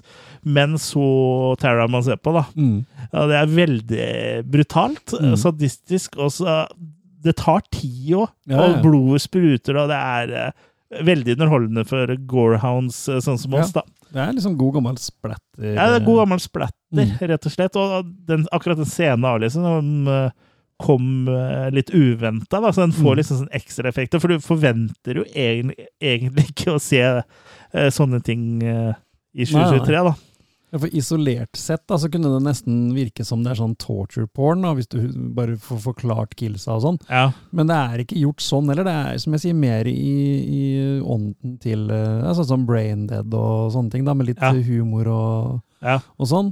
Men humoren er liksom alltid fra Art sin side, da. Det er aldri noe fra de andre karakterene, liksom. De er på en måte De eh, er scared shitless. Ja, det er, det er ikke noe humor involvert for dem, da. Nei. Men uh, ja, det er rett og slett veldig eh, underholdende, da. Og så på et eller annet tidspunkt så tar jo Art og skjærer av puppene også på en sånn uh, dame som bor, eh, bor i det bygget. Jeg vet ikke om hun egentlig bor der, men hun i hvert fall holder til jeg tror ikke hun bor i en leilighet, da. Jeg Nei. tror hun bor i kjelleren, eller bare I- Hun går rundt med en sånn dokke som hun tror er babyen sin. og Mm. Og sånt. Men han Art tar jo da og skjærer av puppene på henne, og så tar på seg det og Mm. sånn, og legger seg ned og venter da på søstera til Tara når hun kommer og leter etter dem. Så det er liksom eh, Ja, Art er en godgutt, han. Full av artig påfunn. Trehjulssykkel har noe. Ja, det er artig at han sykler ut på trehjulssykkelen. Du har jo på en måte sett det før i så, men eh, da er det jo en sånn dokke. Her er det jo liksom en stor voksen Ja, ja. eh, klovn, eller mann, da. Han er jo ganske lang òg, så Ja. That's what she said. Ja. ja, så det så Måten han bare liksom koser seg på, liksom. Ja, det gjør det veldig Han er en sadistisk type. Ja. Og så er det et scene hvor han eh, blir skutt i benet eller foten eller et eller annet. Nei, han får en kniv, er det vel, i foten eller noe sånt. Ja. Og da reagerer han spontant med å vise henne fingeren med sånn der surmunn, sånn der ordentlig sånn der pert, liksom. Ja, han er jo eh, full av oppfinnsomme sprell, for han eh, på den der eh, pizzeriaen de er på tidlig i filmen der, og så går de inn og så uh, driter ned hele dassen Ja. der. Og, og det å liksom er sånn uh, what the fuck-scene, Ja. som bare er utrolig morsomt, da. Mm. Og det får det til å liksom føles uh, som en, litt som en tromafilm, akkurat uh, Ja. med, med sånne påfunn, da. Men, han fyren vaske alt sammen, og ikke mer enn akkurat, akkurat, akkurat ferdig, liksom, så blir den drept. Ja, så blir det en sånn uh, Jack-O'-lantern. Mm. Ja. Nei, denne funker akkurat på mange måter, den, altså. Uh, hvis jeg skal trekke noen negativer her, så må det vel bli uh, at det er at det er litt sånn dårlig skuespill her. Eh, Ja, det er lavbudsjett. Uh, Jo da, det, var, det er greit nok. Men Ja. eh, også er det storyen i seg sjøl De karakterene her tar en del sånn teite valg, da, men det er jo også sånn typisk slasher-greie, egentlig. ja, det Men det er liksom Vi har jo sett og elsket masse filmer hvor det, Jeg kan ikke huske en fredag den 13. film hvor det, no, noen tar et bra valg i det hele tatt. Jeg. Nei da. Det er enkelte filmer det plager meg mer enn andre. Jeg sier ikke at det plager meg her heller, altså. Men det er Nei. liksom Ja, det er ikke noe tvil om at de er liksom klin tett i huet og Ja, men det skal man liksom være i en slasherfilm. Og det, det snakka vi om da vi hadde den der um, Cabin in the Woods-episoden, hvor vi liksom på en måte fikk en forklaring på hvorfor de var så dumme. Det var litt Ja, ja. morsomt at de ble Ja. uh, drugga, liksom. mm. Så du kan bare tenke at det er det som har skjedd her. Ja. men det er, det er jo en trope, da. Så liksom hvis jeg, hvis jeg skulle laga en slasherfilm sjøl, så tror jeg jeg ville hatt folk som gjør jævlig dumme ting. Og du, du ser jo bare i nyere slasherfilmer og s- s- slasherfilmer som er laga Sånn som Scream, da, som er eh, sett på som liksom den ultimate slasherfilmen og sånn. Mm. Så fest, drar hun på halloweenfest selv om eh, Kompisen kompisen er blitt drept Mm. av en seriemorder, liksom. Så det er jo Mm. Det er, hører med sjangeren, liksom. For er det et teit valg, liksom? Eh, Hvis Ja. tre-fire stykker i klassen din hadde blitt drept, hadde du dratt på klassefest? Jeg tror ikke det. Nei. Så det er Jeg føler jo at det Det, det syns jeg er litt sånn Det syns jeg er eh, på en måte sånn uh, irriterende at uh, folk liksom kritiserer sånn lavbudsjettfilmer sånn for det, men ikke Scream, liksom. Altså, mm. Men det hører med sjangeren, da. Det er sånn sjangeren er. Mm. Jeg også liker at det er litt sånn slags frempek. Da. Hun tar jo selfie, eller er jo ikke frampek, men han hun tar jo selfie med han inne på den pizzeriaen. Ja. Så når han har drept to, så tar han telefonen hennes og tar selfie tilbake igjen. Liksom. Ja, ja. det, Så de to siste bildene er liksom selfie med klonen på to litt forskjellige ja og hun er eh, litt forskjellige mm. Hun er jo litt torn up eh, på bilde nummer to, kan du se. Ja. Men eh, en ting som jeg syns var litt sånn artig og litt uventa Ikke at det på en måte aldri har blitt gjort før, da, men det blir eh, det Gjorde det i Barbarian òg, for så vidt. Mm. Eh, at man bytter eh, protagonist underveis. da, At hovedrollen er en annen enn den du tror. Mm. Uh, for uh, ja, vi er langt ute i spoiler-land, vi nå. Vi bare glemte å si det i starten. Eh, for eh, hovedkarakteren er jo Tara, sånn til å begynne med, men så Mm. blir hun drept. Og så er jo hovedkarakteren egentlig Vicky, da, som er søstera som kommer og leter etter henne. Mm. Eh, så det syns jeg jo liksom er med på å spice opp ting litt, da. Ja. Eh, men det, som sagt, det er jo ikke en ny idé. Jeg tror vel det var Hitchcock som gjorde det først i Psycho. Mm. Eh, men samtidig, da det, er jo liksom ikke så vanlig at du på en måte forventer det, da. Så du blir alltid litt overraska når, eh, når eh, det skjer, da. Ja. Og så er det jo noen små hints her da, til at det er noe overnaturlig eh, Ja. her sånn. Men Det blir ikke sånn veldig lagt vekt på her. Nei, Mm. ikke før liksom i slutten, hvor han Mm. Art våkner opp etter å ha skutt seg sjøl, så bare våkner han opp igjen på likehuset der. Mm. Eh, nå har jo jeg lest litt rundt der, for det er jo ikke første gangen uh, Art er med på film. Nei, han, det er vel andre gang, for han var jo Ja. med i All Hallows Eve, som Stemmer. er en sånn uh, Anthology-sak, da. hvor det er noen som ser på noen VHS-er, Ja. og han er med i alle de tre VHS-ene. ja, det er noe sånt noe. Er, pluss at det ble også laga en kortfilm, jeg vet ikke om det var før eller etter eh, All Hallows Eve, ja. 2011 i hvert fall, kom det en kortfilm da, om Art the Clown. Ja, den het bare Terrifier, den nå, tror jeg. Ja. I hvert fall i år Hallows Eve så er det visstnok da mer eh, hint til de der overnaturlige elementene, da. Ja, riktig. Så, Ja. mm. Jeg har ikke sett den. Nei, ikke sett Det er litt her. vanskelig å få tak i, tror jeg. Eller Ja. sånn Jeg tror det. I hvert fall sånn uh, uten videre. Jeg har ikke uh, forska så veldig mye uh, på det, men jeg føler at jeg har lyst til å se, se den også, altså. Så ja. Så det, ja. Men det er jo et element der som ikke er så veldig eh, utbrodert ennå, da.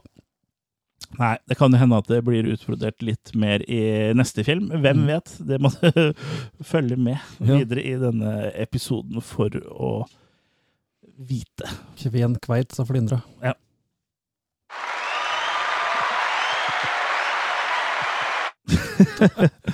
ja, men Mm. publikum likte den. Men ja, det er jo ikke så innmari mye mer å si om Terrifier. Jeg har liksom på en måte vært klar over Terrifier lenge, men jeg har liksom aldri sett den. Aldri liksom kjøpt den. Eh, jeg tror den har ligget på, ligget eh, på Prime Video ganske lenge. Ja, for den fikk jo bitte litt hype i miljøet når han kom, Ja, husker jeg. ja det husker jeg. Eh, Men eh, det er jo liksom når oppfølgeren nå har kommet, som det tok av sånn generelt, da. Ja, Mm. Såpass at den faktisk ble satt opp på norske kinoer. Det, Den så jeg ikke komme. Mm. Nei. Den blir faktisk gitt ut på Blu-ray i Norge òg. Det er- så jeg heller ikke komme, for det er veldig Mm. sjeldent uh, det kommer norske utgivelser av sånne smale ting lenger. Men Underworld Entertainment er jo ganske flinke der, at de plukker opp litt sånn smale eh, ting. Også. I hvert fall når de ser at det på en måte er et marked der, da. Absolutt. Eh, forresten så kommer jo Terrifier 2 på Blu-ray fra Oi, nå slår jeg bort mikrofonen. Eh, jo, Terrifier 2 kommer på Blu-ray fra World Entertainment i slutten av februar. Mm. Så i, i samarbeid med de så skal jo vi da dele ut uh, noen Blu-rays og noen buttons da, Mm. uh, til noen heldige vinnere. Så følg med på Facebook-sida vår, så kommer det til å komme en konkurranse der da, når, når de filmene da har blitt trykka opp og de er liksom klare til å skippes ut. da. Mm. Så følg med, følg med, Følg med, som følg Tom. Mathisen ville sagt. Men ja, jeg syns Terrifier er lett er en av de bedre slash... Sånn ren Eller det er jo ikke ren slasher, for det er jo slasher, men ja, med trykk på slash, da. Ja. Uh, Slasherfilmen eh, som har kommet på lenge, den beveger seg litt bort fra den teen slasher-greiene som egentlig har på en måte vært greia helt siden 90-tallet Mm. og mye av 80-tallet òg, men der var det jo uh, De fleste slashere har jo vært sånn teen-slashere helt fra eh, Black Christmas i 1979, eller 78 eller 79, egentlig. Mm. Eller nei, det er kanskje enda Ja. Den er vel enda eldre, eller ikke? 74? 74 var det. Mm. Ja, Halloween er 79. Eh, men ja, eh, så det, sånn sett så Det er jo ikke en teen-slasher, men det er jo like fullt en eh, slasher, da. Mm. Men eh, ja, jeg syns den eh, er den eh, beste innafor denne sjangeren på lenge, både som slasher og egentlig splatter. Ja.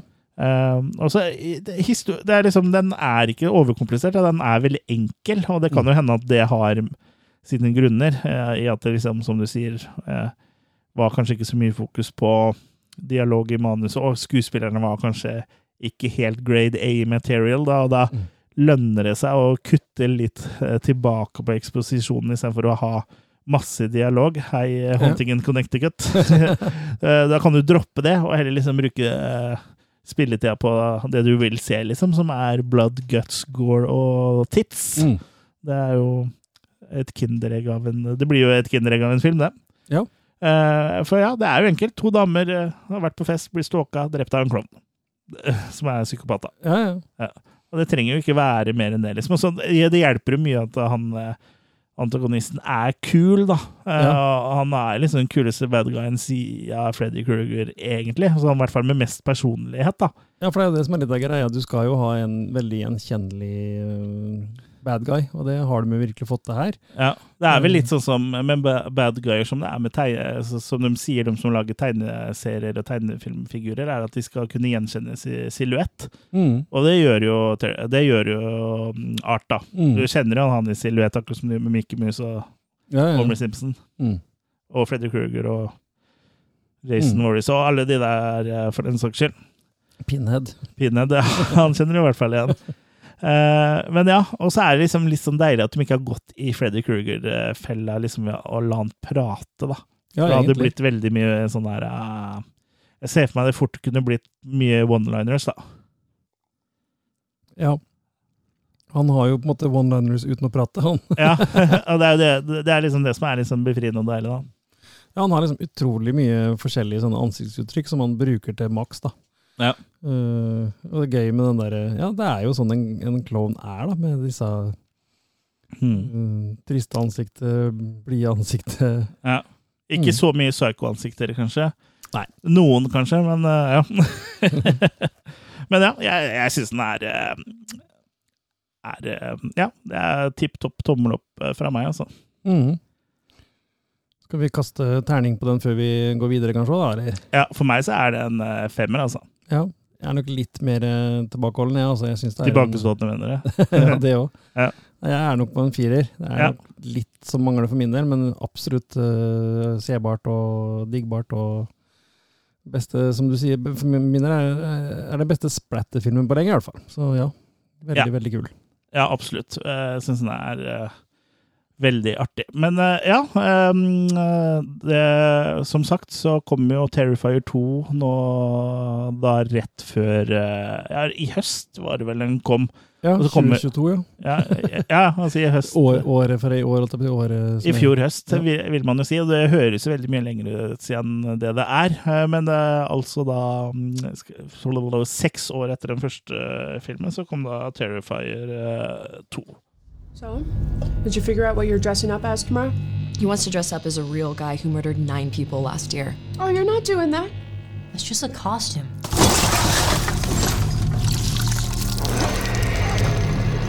You think that guy's still out there? What's up with you and this clown all of a sudden? You're like obsessed. They never found his body. What if he decides to come back here? I wouldn't worry about it. Wait a minute, aren't you that guy from the costume shop? Sir, what are you doing? It wasn't me. He was covered in blood on his shirt and his hands when he got here. I'm telling you, it was him, Allie. Right down to the little black dot on the tip of his nose. You're really weird, you know that? I believe him. About what? Something really bad's gonna happen tonight. No, I, I know when Jonathan's lying, okay? I, I could hear it in his voice. Something's something's wrong. Look, we're gonna have fun. Mm-hmm. Stress-free environment. Yep. Speaking of surprises, kids, we have a very special guest with us today, all the way from Miles County. Please welcome Art the Clown.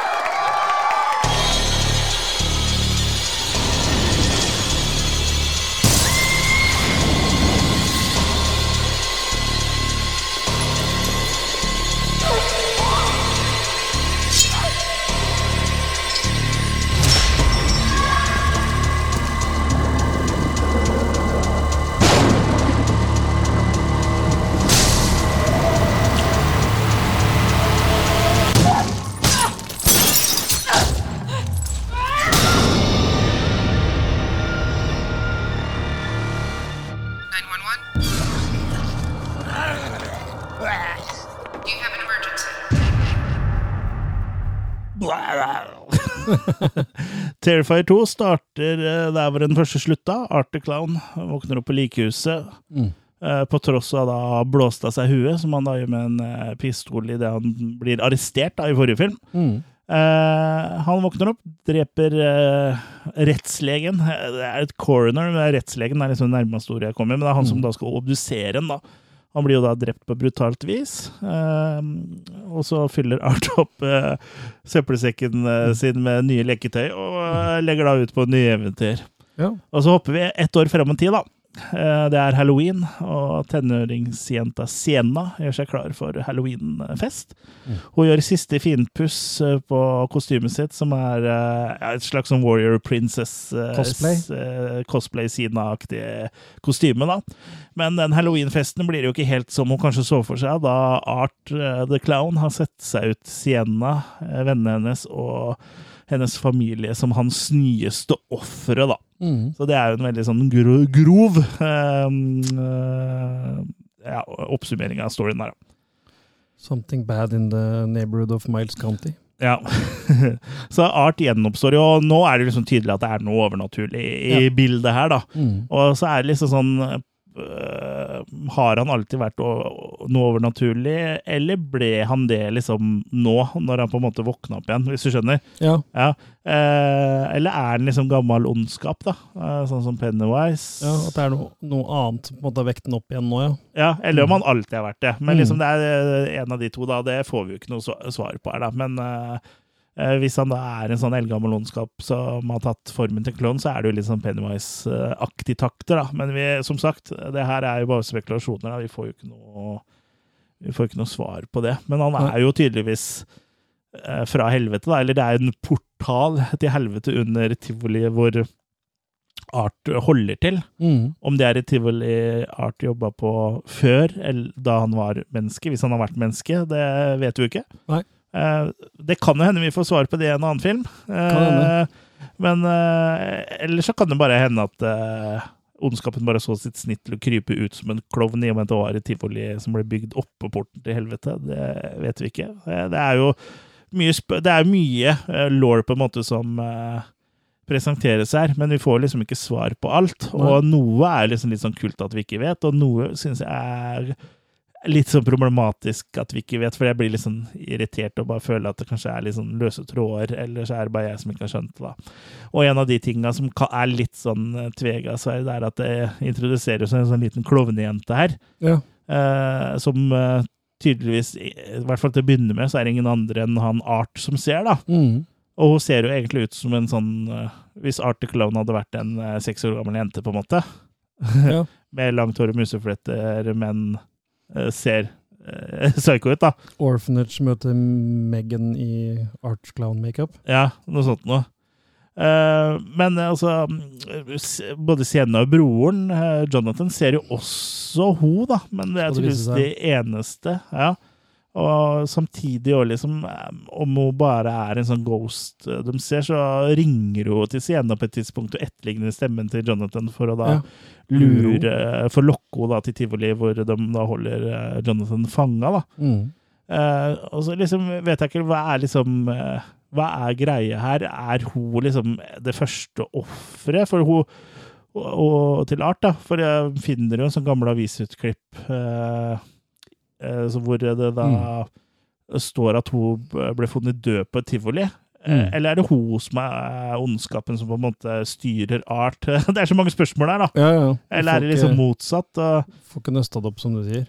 nei. Og det er liksom litt sånn rart, da, for filmen varer faktisk i nesten to og en halv time. Ja, for eh, her har jo jo Leone lagt inn masse eksposi eksposisjon, da.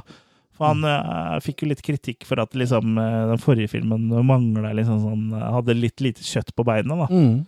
Uh, som jeg føler egentlig kanskje var st noe av styrken til den første filmen. Mm. Uh, mens her blir det jo mer av det, da. Og sånn sett så blir det jo egentlig en helt eh, annen type film, på en måte. Eh, same but different, på en måte.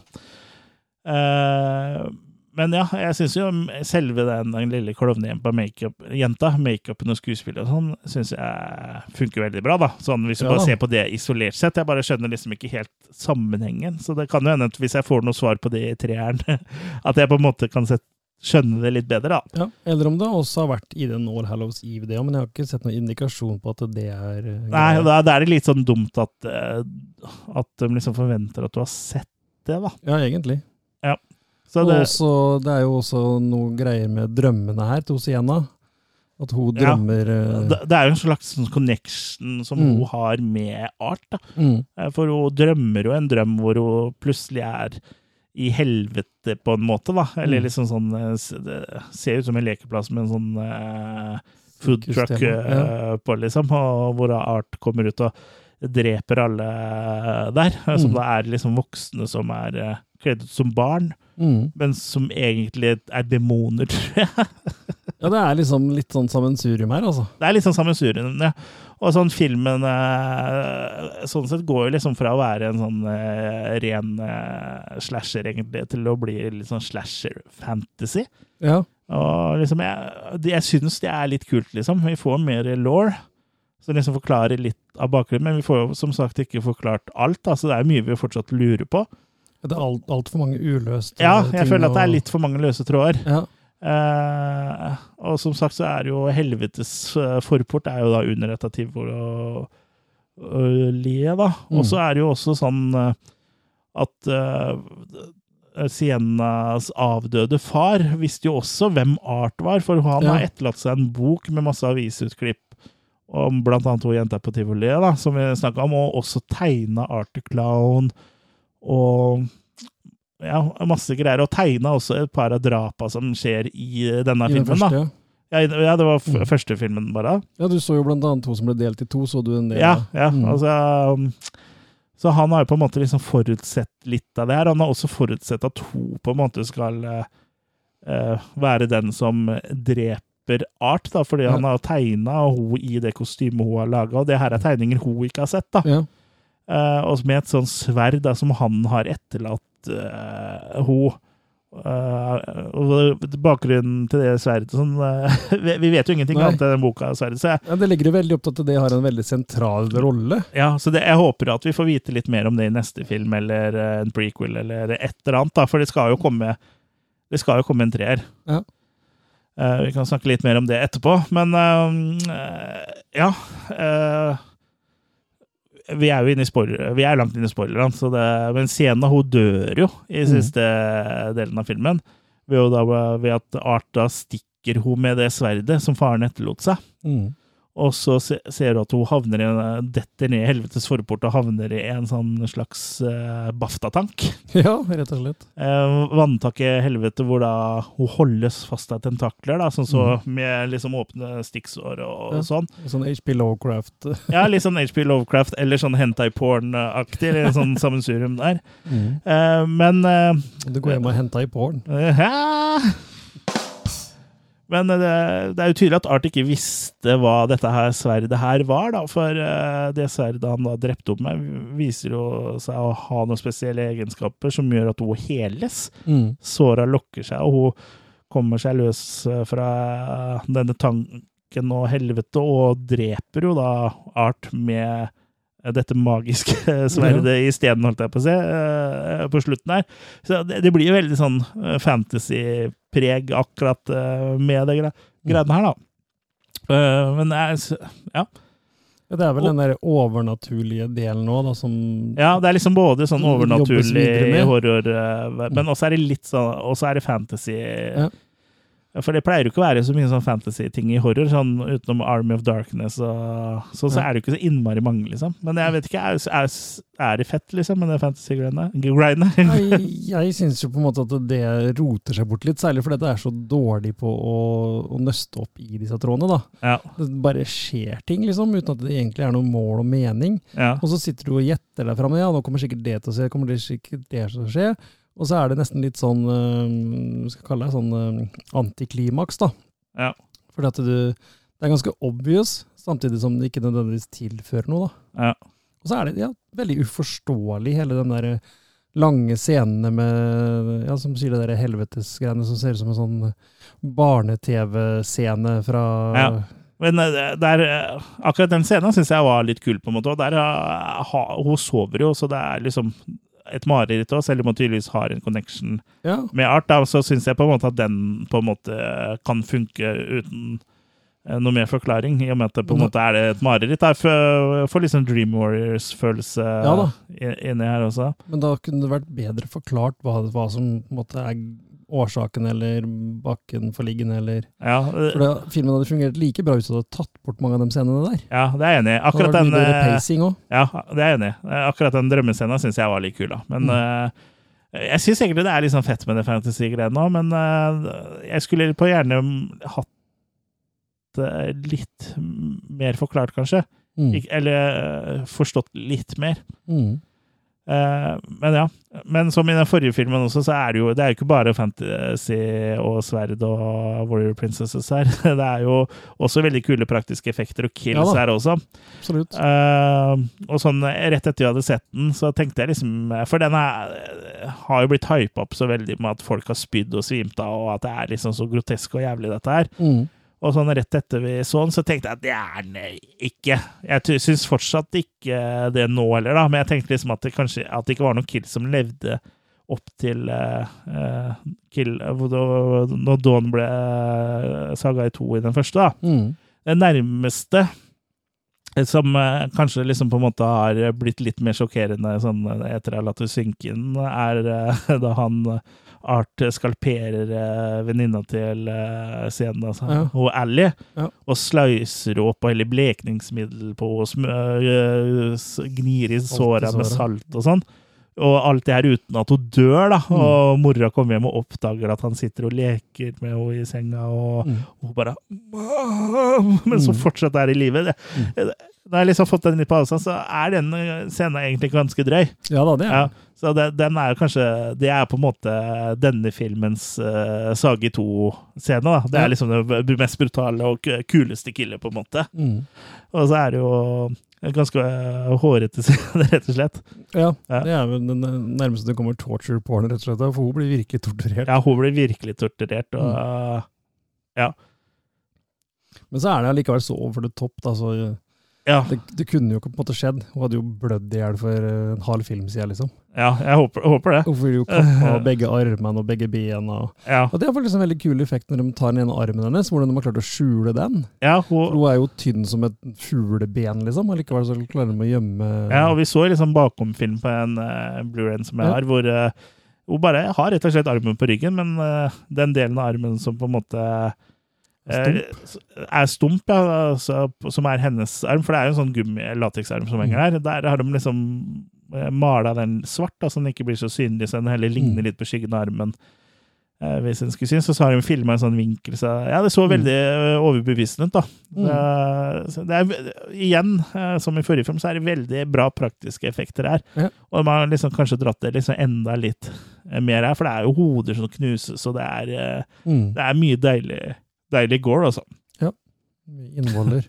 Og innvoller. Altså, det er ganske morsomt når, For, for eh, handlinga er jo på halloween også i denne filmen.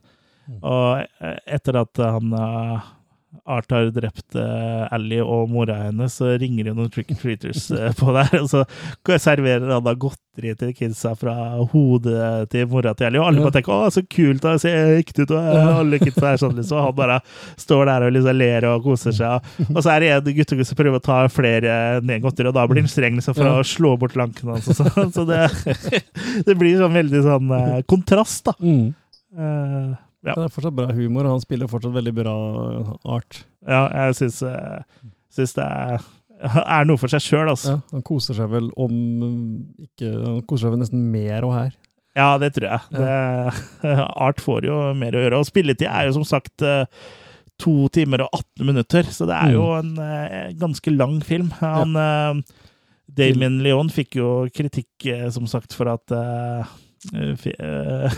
for at det var liksom for lite kjøtt på beinet i forrige film, så nå har han jo på en måte virkelig eh, smørt på med eksposisjon. Kanskje litt mye. Eh, Det er som sagt en del tråder som vi, vi føler ikke er helt eh, forløst, da, eller knyttet sammen. Ja. sånn at vi liksom på en måte skjønner den store tegninga. Og om ikke det er nok, så kaster de jo en ekstra ting i rulletekst, holdt jeg på å si òg.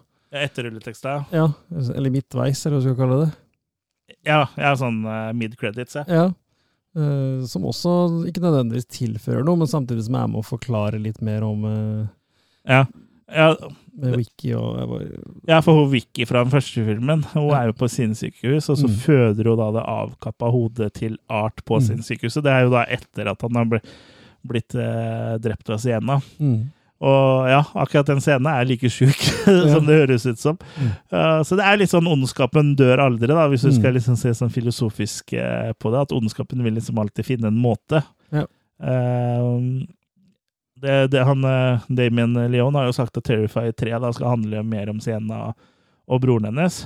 Ja. Og at den liksom skal utforske låren rundt Art mer. Da. Så det kan jo hende at vi får liksom svar på noe av de trådene vi føler eh, Mm. vi ikke har fått uh, nøsta opp i her, da. Men uh, samtidig så syns jeg det er liksom er litt for mange tråder uh, som er løse, da, til at vi må vente til treeren. Ja, altså, jeg, jeg syns bare liksom ikke den, typen film trenger det. Jeg synes det, Som du sa, det som funka i den første, er at du bare har en psycho killer. Ferdig med det. Han koser seg med å drepe. Mm. Ja, det, det er greit nok, liksom. Og så skjønner jeg på en måte det at der, I alle slasherfilmer så skal liksom bad guyen dø på slutta, og så må du finne en grunn til at du skal kunne gjenopplive den. Ja, det, den syns jeg var kul. da. Den Ja. var jo ganske original. Mm. Eh, men eh, akkurat den her med Sienna og sånn òg, at hun er sånn warrior princess og det òg, er jo noe han har laga en kortfilm, visstnok. Ja, riktig. Eh, som han liksom har hatt Eller om det var en film han hadde planer om å lage, eller noe sånt. Men jeg mener det var noe kortfilmgreier. Så det er liksom ting han på en måte har brakt tilbake eh, til den her, da. Så jeg syns jo Mm. på en måte det er kult. Det, det blir jo liksom noe eget. Men uh, det, for, det blir litt for mange eh, løse tråder. Men samtidig så det blir litt sånn ambivalent, for jeg koser meg veldig med den og syns den er uh, uh, veldig kul også. Mm. Eh, han har jo sagt at eh, eh, at muligens neste film blir liksom to, da. At det blir Terrifier 3 og 4. For han har sagt at eh, han ikke vil lage en like lang film som Terrifier 2 igjen. Ja, ikke sant? Nei, så men, eh, Det er jo helt greit, det. Så jeg har lyst på mer eh, moro med Art the Clown, jeg. Mm. Men eh, ja, jeg syns Terrifier 2 er kul, jeg, altså. Eh, Den nå overrasker meg litt i i retningen den tok, da, at, vi skulle til et sånn fantasy-land. Men eh, jeg liker fantasy-horror, jeg. Ja. Så jeg syns det er litt kult, egentlig. Og klovnejenta er også litt eh, eh, er jo også kul, men det er litt sånn Det funker liksom ikke helt optimalt. Da. Jeg føler vel kanskje at den største gripen er at jeg ikke skjønner liksom Vi skulle bare hatt en liten scene hvor du så liksom om, om det er en klovnejente som styrer art, på en måte, eller om det er motsatt. Bare liksom så jeg på en måte hadde Mm. forstått hierarkiet um, mellom de to litt bedre, ja, for da hadde jeg på en måte kanskje klart å lage en historie oppi hodet mitt sjøl, da. Ja, og Men nå liksom, eh, kan Sienna og broren se det samme? Ja, de har jo tydeligvis en connection, Ja, og siden de er destined til å, å drepe nesten, så blir det nesten litt sånn der uh, Star Wars-aktig uh, For å ta én type law her, da, at det er på en måte sånn at det må være en balanse i The Force, liksom. At du har Ja. Sienna på ene sida og så Art på andre sida. Ja, kanskje det blir mer forklart farens rolle, da, for han var jo en politimann som tydeligvis jakta på Art før, da. Ja. Så, og så døde han før Hadde noen brain tumor, men han kjørte også inn i en Han var også i en bilulykke. Jeg syns begge deler ble nevnt. Mm. Det er jo klart at du kan jo dø i en bilulykke selv om du har en uh, svulst på hjernen. Ja. Nei, så mm, ja, det er litt sånn uh, gapende sår. Ja. Det, det, det er jo hvis vi uh, Jeg håper jo på en måte at vi får litt sånn forklaring på uh, mye av det vi lurer på i neste film, men uh, jeg håper, håper jo den ikke brukes seks år på å komme, da. Sånn Ja, ikke sånn som jeg gjør. Eh,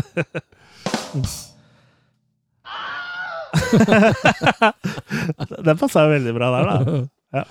Men eh, ja, det er mye blod og gørr, så det er liksom det er mye å digge her. Og det er jo som sagt fullt av folk som tar dårlige avgjørelser, men her er det liksom litt mer sånn tongue in føler jeg, da. Ja, og her syns jeg skuespillet er mye bedre òg. Ja, her er det jo skuespillere, vil jeg Nå er Ingen av dem er vel en sånn superkjent uh, For meg, i hvert fall, men uh, um, Jo, Felissa Rose, uh, kanskje mest kjent fra Sleepaway Camp, hun dukker opp i en bitte liten rolle som en lærer eller rektor eller eh, noe sånt nå. Mm. Lærer er det vel, uh, som bare kjefter på dem i en, et eller annet friminutt. Ja. Ja, for det var jo en sånn den skole og greiene der, og han ja, ikke sant. Ja. Nei, som sagt, det skjer en del eh, Det skjer mye. Ja, det skjer, skjer mye. mye. Ja. Uh, hun, er- hun som spiller hovedrollen uh, som Sienna H. Lauren Lavera, har jo vært med i en episode av Iron Fist-serie, og det er vel kanskje det mest kjente hun har vært med i. Ja. så det, men men hun leste jeg vel også at en av de to i eneren spilte jo i Bye Bye Man, blant annet, så de har jo vært med i andre ting, dem òg. Ja da. Eh, nei, men jeg jeg syns skuespillet er uh, mye bedre her da på Ja. heldigvis, da, i og med at det er så mye mer eh, uh, manus, da. Eh, hun som spiller hun uh, venninna Brooke, eh, hun er faktisk med i den nye Den uh, nyinnspillinga av en mann ved navn Ove, av Man. Called Otto, Ja. ser jeg, på IMDb. Så Den så jeg også originalen til nå i siste måneden. så det, så det må jo være et sted Jeg vet ikke hvor stor rolle det er, da, men å være med i en, eh, en sånn A-film, som jeg vil kalle det, med Tom Hanks, må jo være et steg i riktig retning. Ja, Hvis hun spiller den nabojenta, så Ja, jeg mener ikke hun lillejenta, men jeg mener hun venninna til eh, Ja, men hvis du spiller i naboen til Otto i den filmen, så er jo Ja. det en stor rolle i så tilfelle. Ja, det er det jo. Eh, det vet jeg ikke, for hun står som eh, Barb.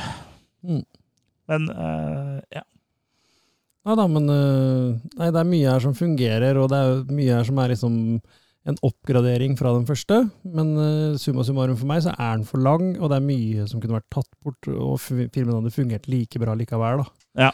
De har ikke bruk for alle de lange scenene når de da driter i å forklare hva vi ser. Det hadde vært bedre med en kort, kort forklaring isteden, og så hadde vi ikke trengt alt det andre, liksom. Ja. Eh, Samtidig så jeg er liksom litt sånn uh, som Natalie Imbruglia, ja, for å komme med en veldig eh, gammel referanse. Jeg er litt tårn. Ja. Og jeg synes liksom, jeg er enig i det, og jeg irriterer meg litt over ting sjøl, men samtidig så syns jeg liksom det er litt kult. Altså. Jeg er tårn. Ja. Det er ikke tårn. Det er jo bra, bra lagd, liksom. Så det er jo ikke noe, er ikke noe sånn sett noe gærent. Det er bare Jeg sitter jo spent Head scratching. Eh, Jeg sitter jo spent og venter eh, på treeren, da. For det Jeg er jo spent hvor de tar det her videre. Ja, for sånn sett så fungerer det jo kanskje bedre enn det noen av Jason-filmene og Halloween-filmene har gjort. At det her kan du bygge law hele veien, istedenfor å måtte finne opp law underveis for å unnskylde at det kommer nye filmer. ja. Sånn som eh, Hva heter den derre i Halloween hvor den plutselig kommer med sånn amulett og greier. og Ja, et, det, er, det er tårn, Det òg. også, ja. Stemmer det.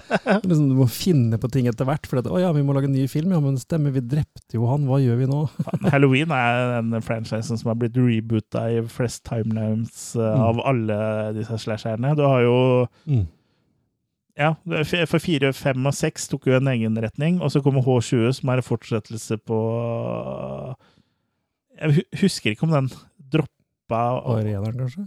Ja, om, Eller om det var de to første, det husker jeg ikke. Og så har du jo Rob Zombie-greiene. Så Ja, og så var det nye nå, og så Mm. ja, Season of the Witch er jo en egen greie igjen. Mm. Men ja. Og det er jo den, en av de beste, egentlig. Season of the Witch, syns jeg. Mm. Altså, jeg, jeg har sagt det før på podkasten, jeg syns halloween er litt sånn oppbrukt. Altså. Mm, absolutt. Ja. Det er den første filmen som er, er noe, liksom. Mm. Og så er det Og så som sagt så liker jeg H20 litt, for den er liksom litt sånn cheesy, good uh, 90-talls-fun. Mm. Og så er det uh, Season of the Witch. Resten er liksom Det er ingen av dem nye funker noe bra, i hvert fall. Nei, det er ikke verdt å bruke tida på. Så, jeg, så der er jo Jason-filmen, uh, Fredag 13.-filmen, mye bedre, syns jeg. Mm. Selv om du, han blir jo zombie, og han drar jo til verdensrommet og alt mulig dritt, liksom. Men det er jo gøy, da, i hvert fall. Ja. Og det er, det er jo tross alt det viktigste. Jeg glemmer at Art skal ut i space. Ja, det gleder jeg meg til også. Det er jo Det er ikke umulig. Nei. Eh, kanskje han faren var astronaut i tillegg. Eller kanskje han eh, Jonathan blir det. Ja. Og så blir han med ja. Vi ble jo lova Machete in Space, men den kom jo aldri. Nei. Eller blir ikke lova, det var sånn køddetrailer på slutten av Manchetti 2, men det hadde vært jævlig eh, Mm. kult. da. Ja, er ikke det eh, Eli Ruth skal lage nå, holdt jeg på å si? At det er en trailer fra Grindhouse-greiene som nå blir film? Ikke Cabin in the Woods, men et eller annet med cabbing-greier, det òg? Nei. Ja, Eller var det ikke noe sånn dyr eh, Jeg husker ikke hva det er. Men det var fra en av de fake trailerne. Ja. Ja. Ja. Ali Ruth. Ali Ruth. Ja. Men eh, ja, skal vi prøve å wrap it up? Wrap it up! Ja. Uh, som sagt, det er eh, masse som funker her, masse som er gjort bedre enn i den første. Men uh, det er også mye som uh, bare sitter igjen med sånn head scratch, som da virker på meg veldig unødvendig. Ja. Så summa summarum så havner jeg vel ganske så likt som den andre. Altså Jeg tror jeg havner på en firer her òg, kanskje en litt sterk firer, da. Ja. var det en andre sterk firer òg, eller? Ja, egentlig. Ja. ja, for det er jo som du sier, liksom, det er mye greier og, eh, her. Og jeg føler jo mye av styrken til den første også var liksom eh, i sin simplisitet, da, i mm. all enkelthet. At den liksom eh, var det den er, da. Men mm.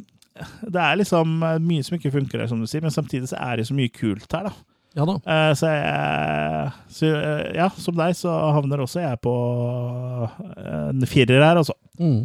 Og jeg syns jo slutten, den mid-credit-sekvensen, var veldig kul. Altså, jeg Mm. gleder meg jo veldig til dem, da. Selveste Chris Jericho i en rolle der. som- Ja, han, han står også oppført på Terrifier 3 på IMDb, men, men altså Det er jo Det er jo sikkert ingen som vet. Kan det bare være recap òg fra den her, som han er med i? Ja, og, og, Nei, nå står det ikke Terrifier 3 der. Kanskje det er bare jeg som uh, har surra. Du har drømt? Jeg har drømt. Art har vært eh, og besøkt Art har vært og besøkt meg i drømmene. Mm. Ja. Nok om det. Det var vår episode om uh, Terrifier-filmene. Det, Dette var det, sånn. Ja. Uh, syns du det, det var veldig mye hype, da. Så det vet liksom ja. Den lever jo ikke opp den hypen, men samtidig så er jeg litt glad for at den på en måte har blitt hypa, sånn så flere folk har sett dette her. Ja. For hvis ikke så hadde den jo havna liksom i, i obskuriteten. Nå har den jo på en Ja. måte fått uh, kommet fram i Rampelyset. rampelyset og mainstreamen. Rumpelyset. så jeg vil jo kanskje tro liksom at det, det, det er ikke noe dårlig nytt for eh, en Terrifier 3, da.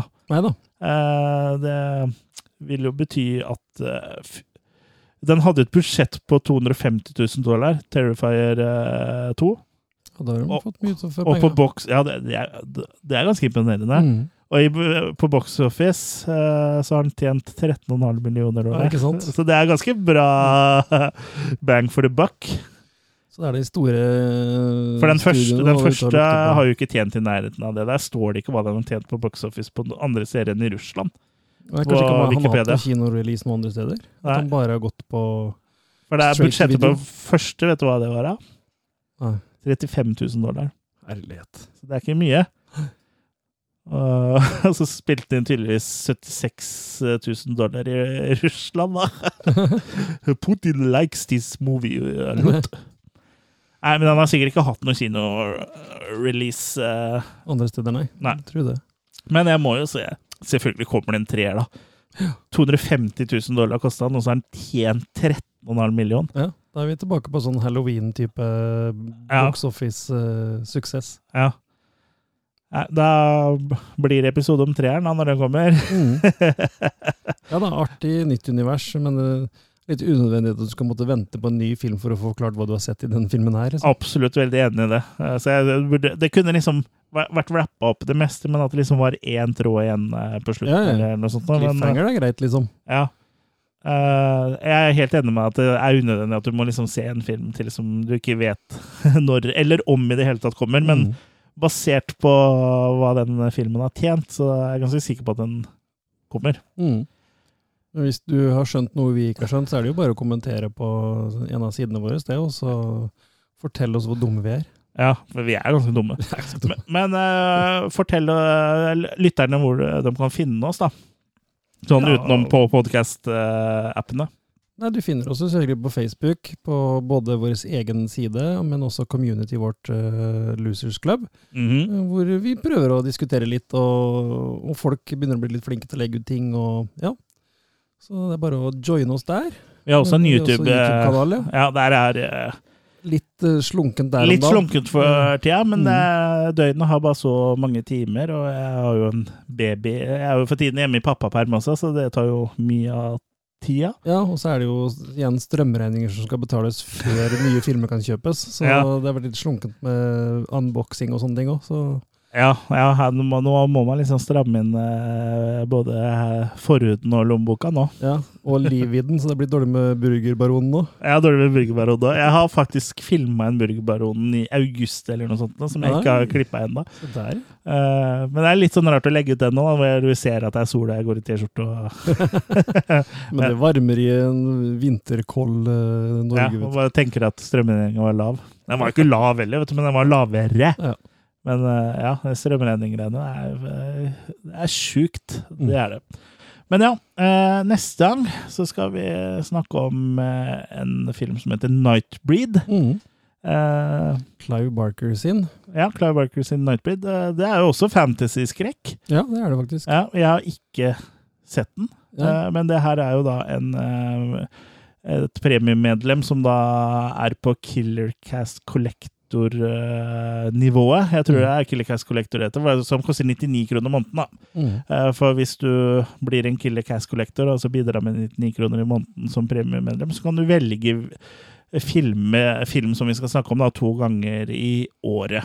Og i Mhm. tillegg så får du jo lese opp navnene til podkasten og slutten på YouTube-videoer, og du får en T-skjorte også i året, da. Så gå på attackofthekillercast.com slash go premium hvis du har lyst til å bestemme hva vi skal snakke om. Mm. Um, da skulle jeg si hvem som hadde valgt denne filmen, men nå ble jeg litt Jo, Sverre Lorentzen, tror jeg. Ja, det var det vel. Ja. Hvis ikke er det, så beklager så mye. Ja, skyt oss. Det, gjør det før noen andre gjør det. Men eh, dette var det, eh, som Vesen, Fleksnes som Fleksnes sa. Har du noe bevingende ord du vil si sånn helt på tampen? Nei. Nei. ha det bra. Ja, det er bra.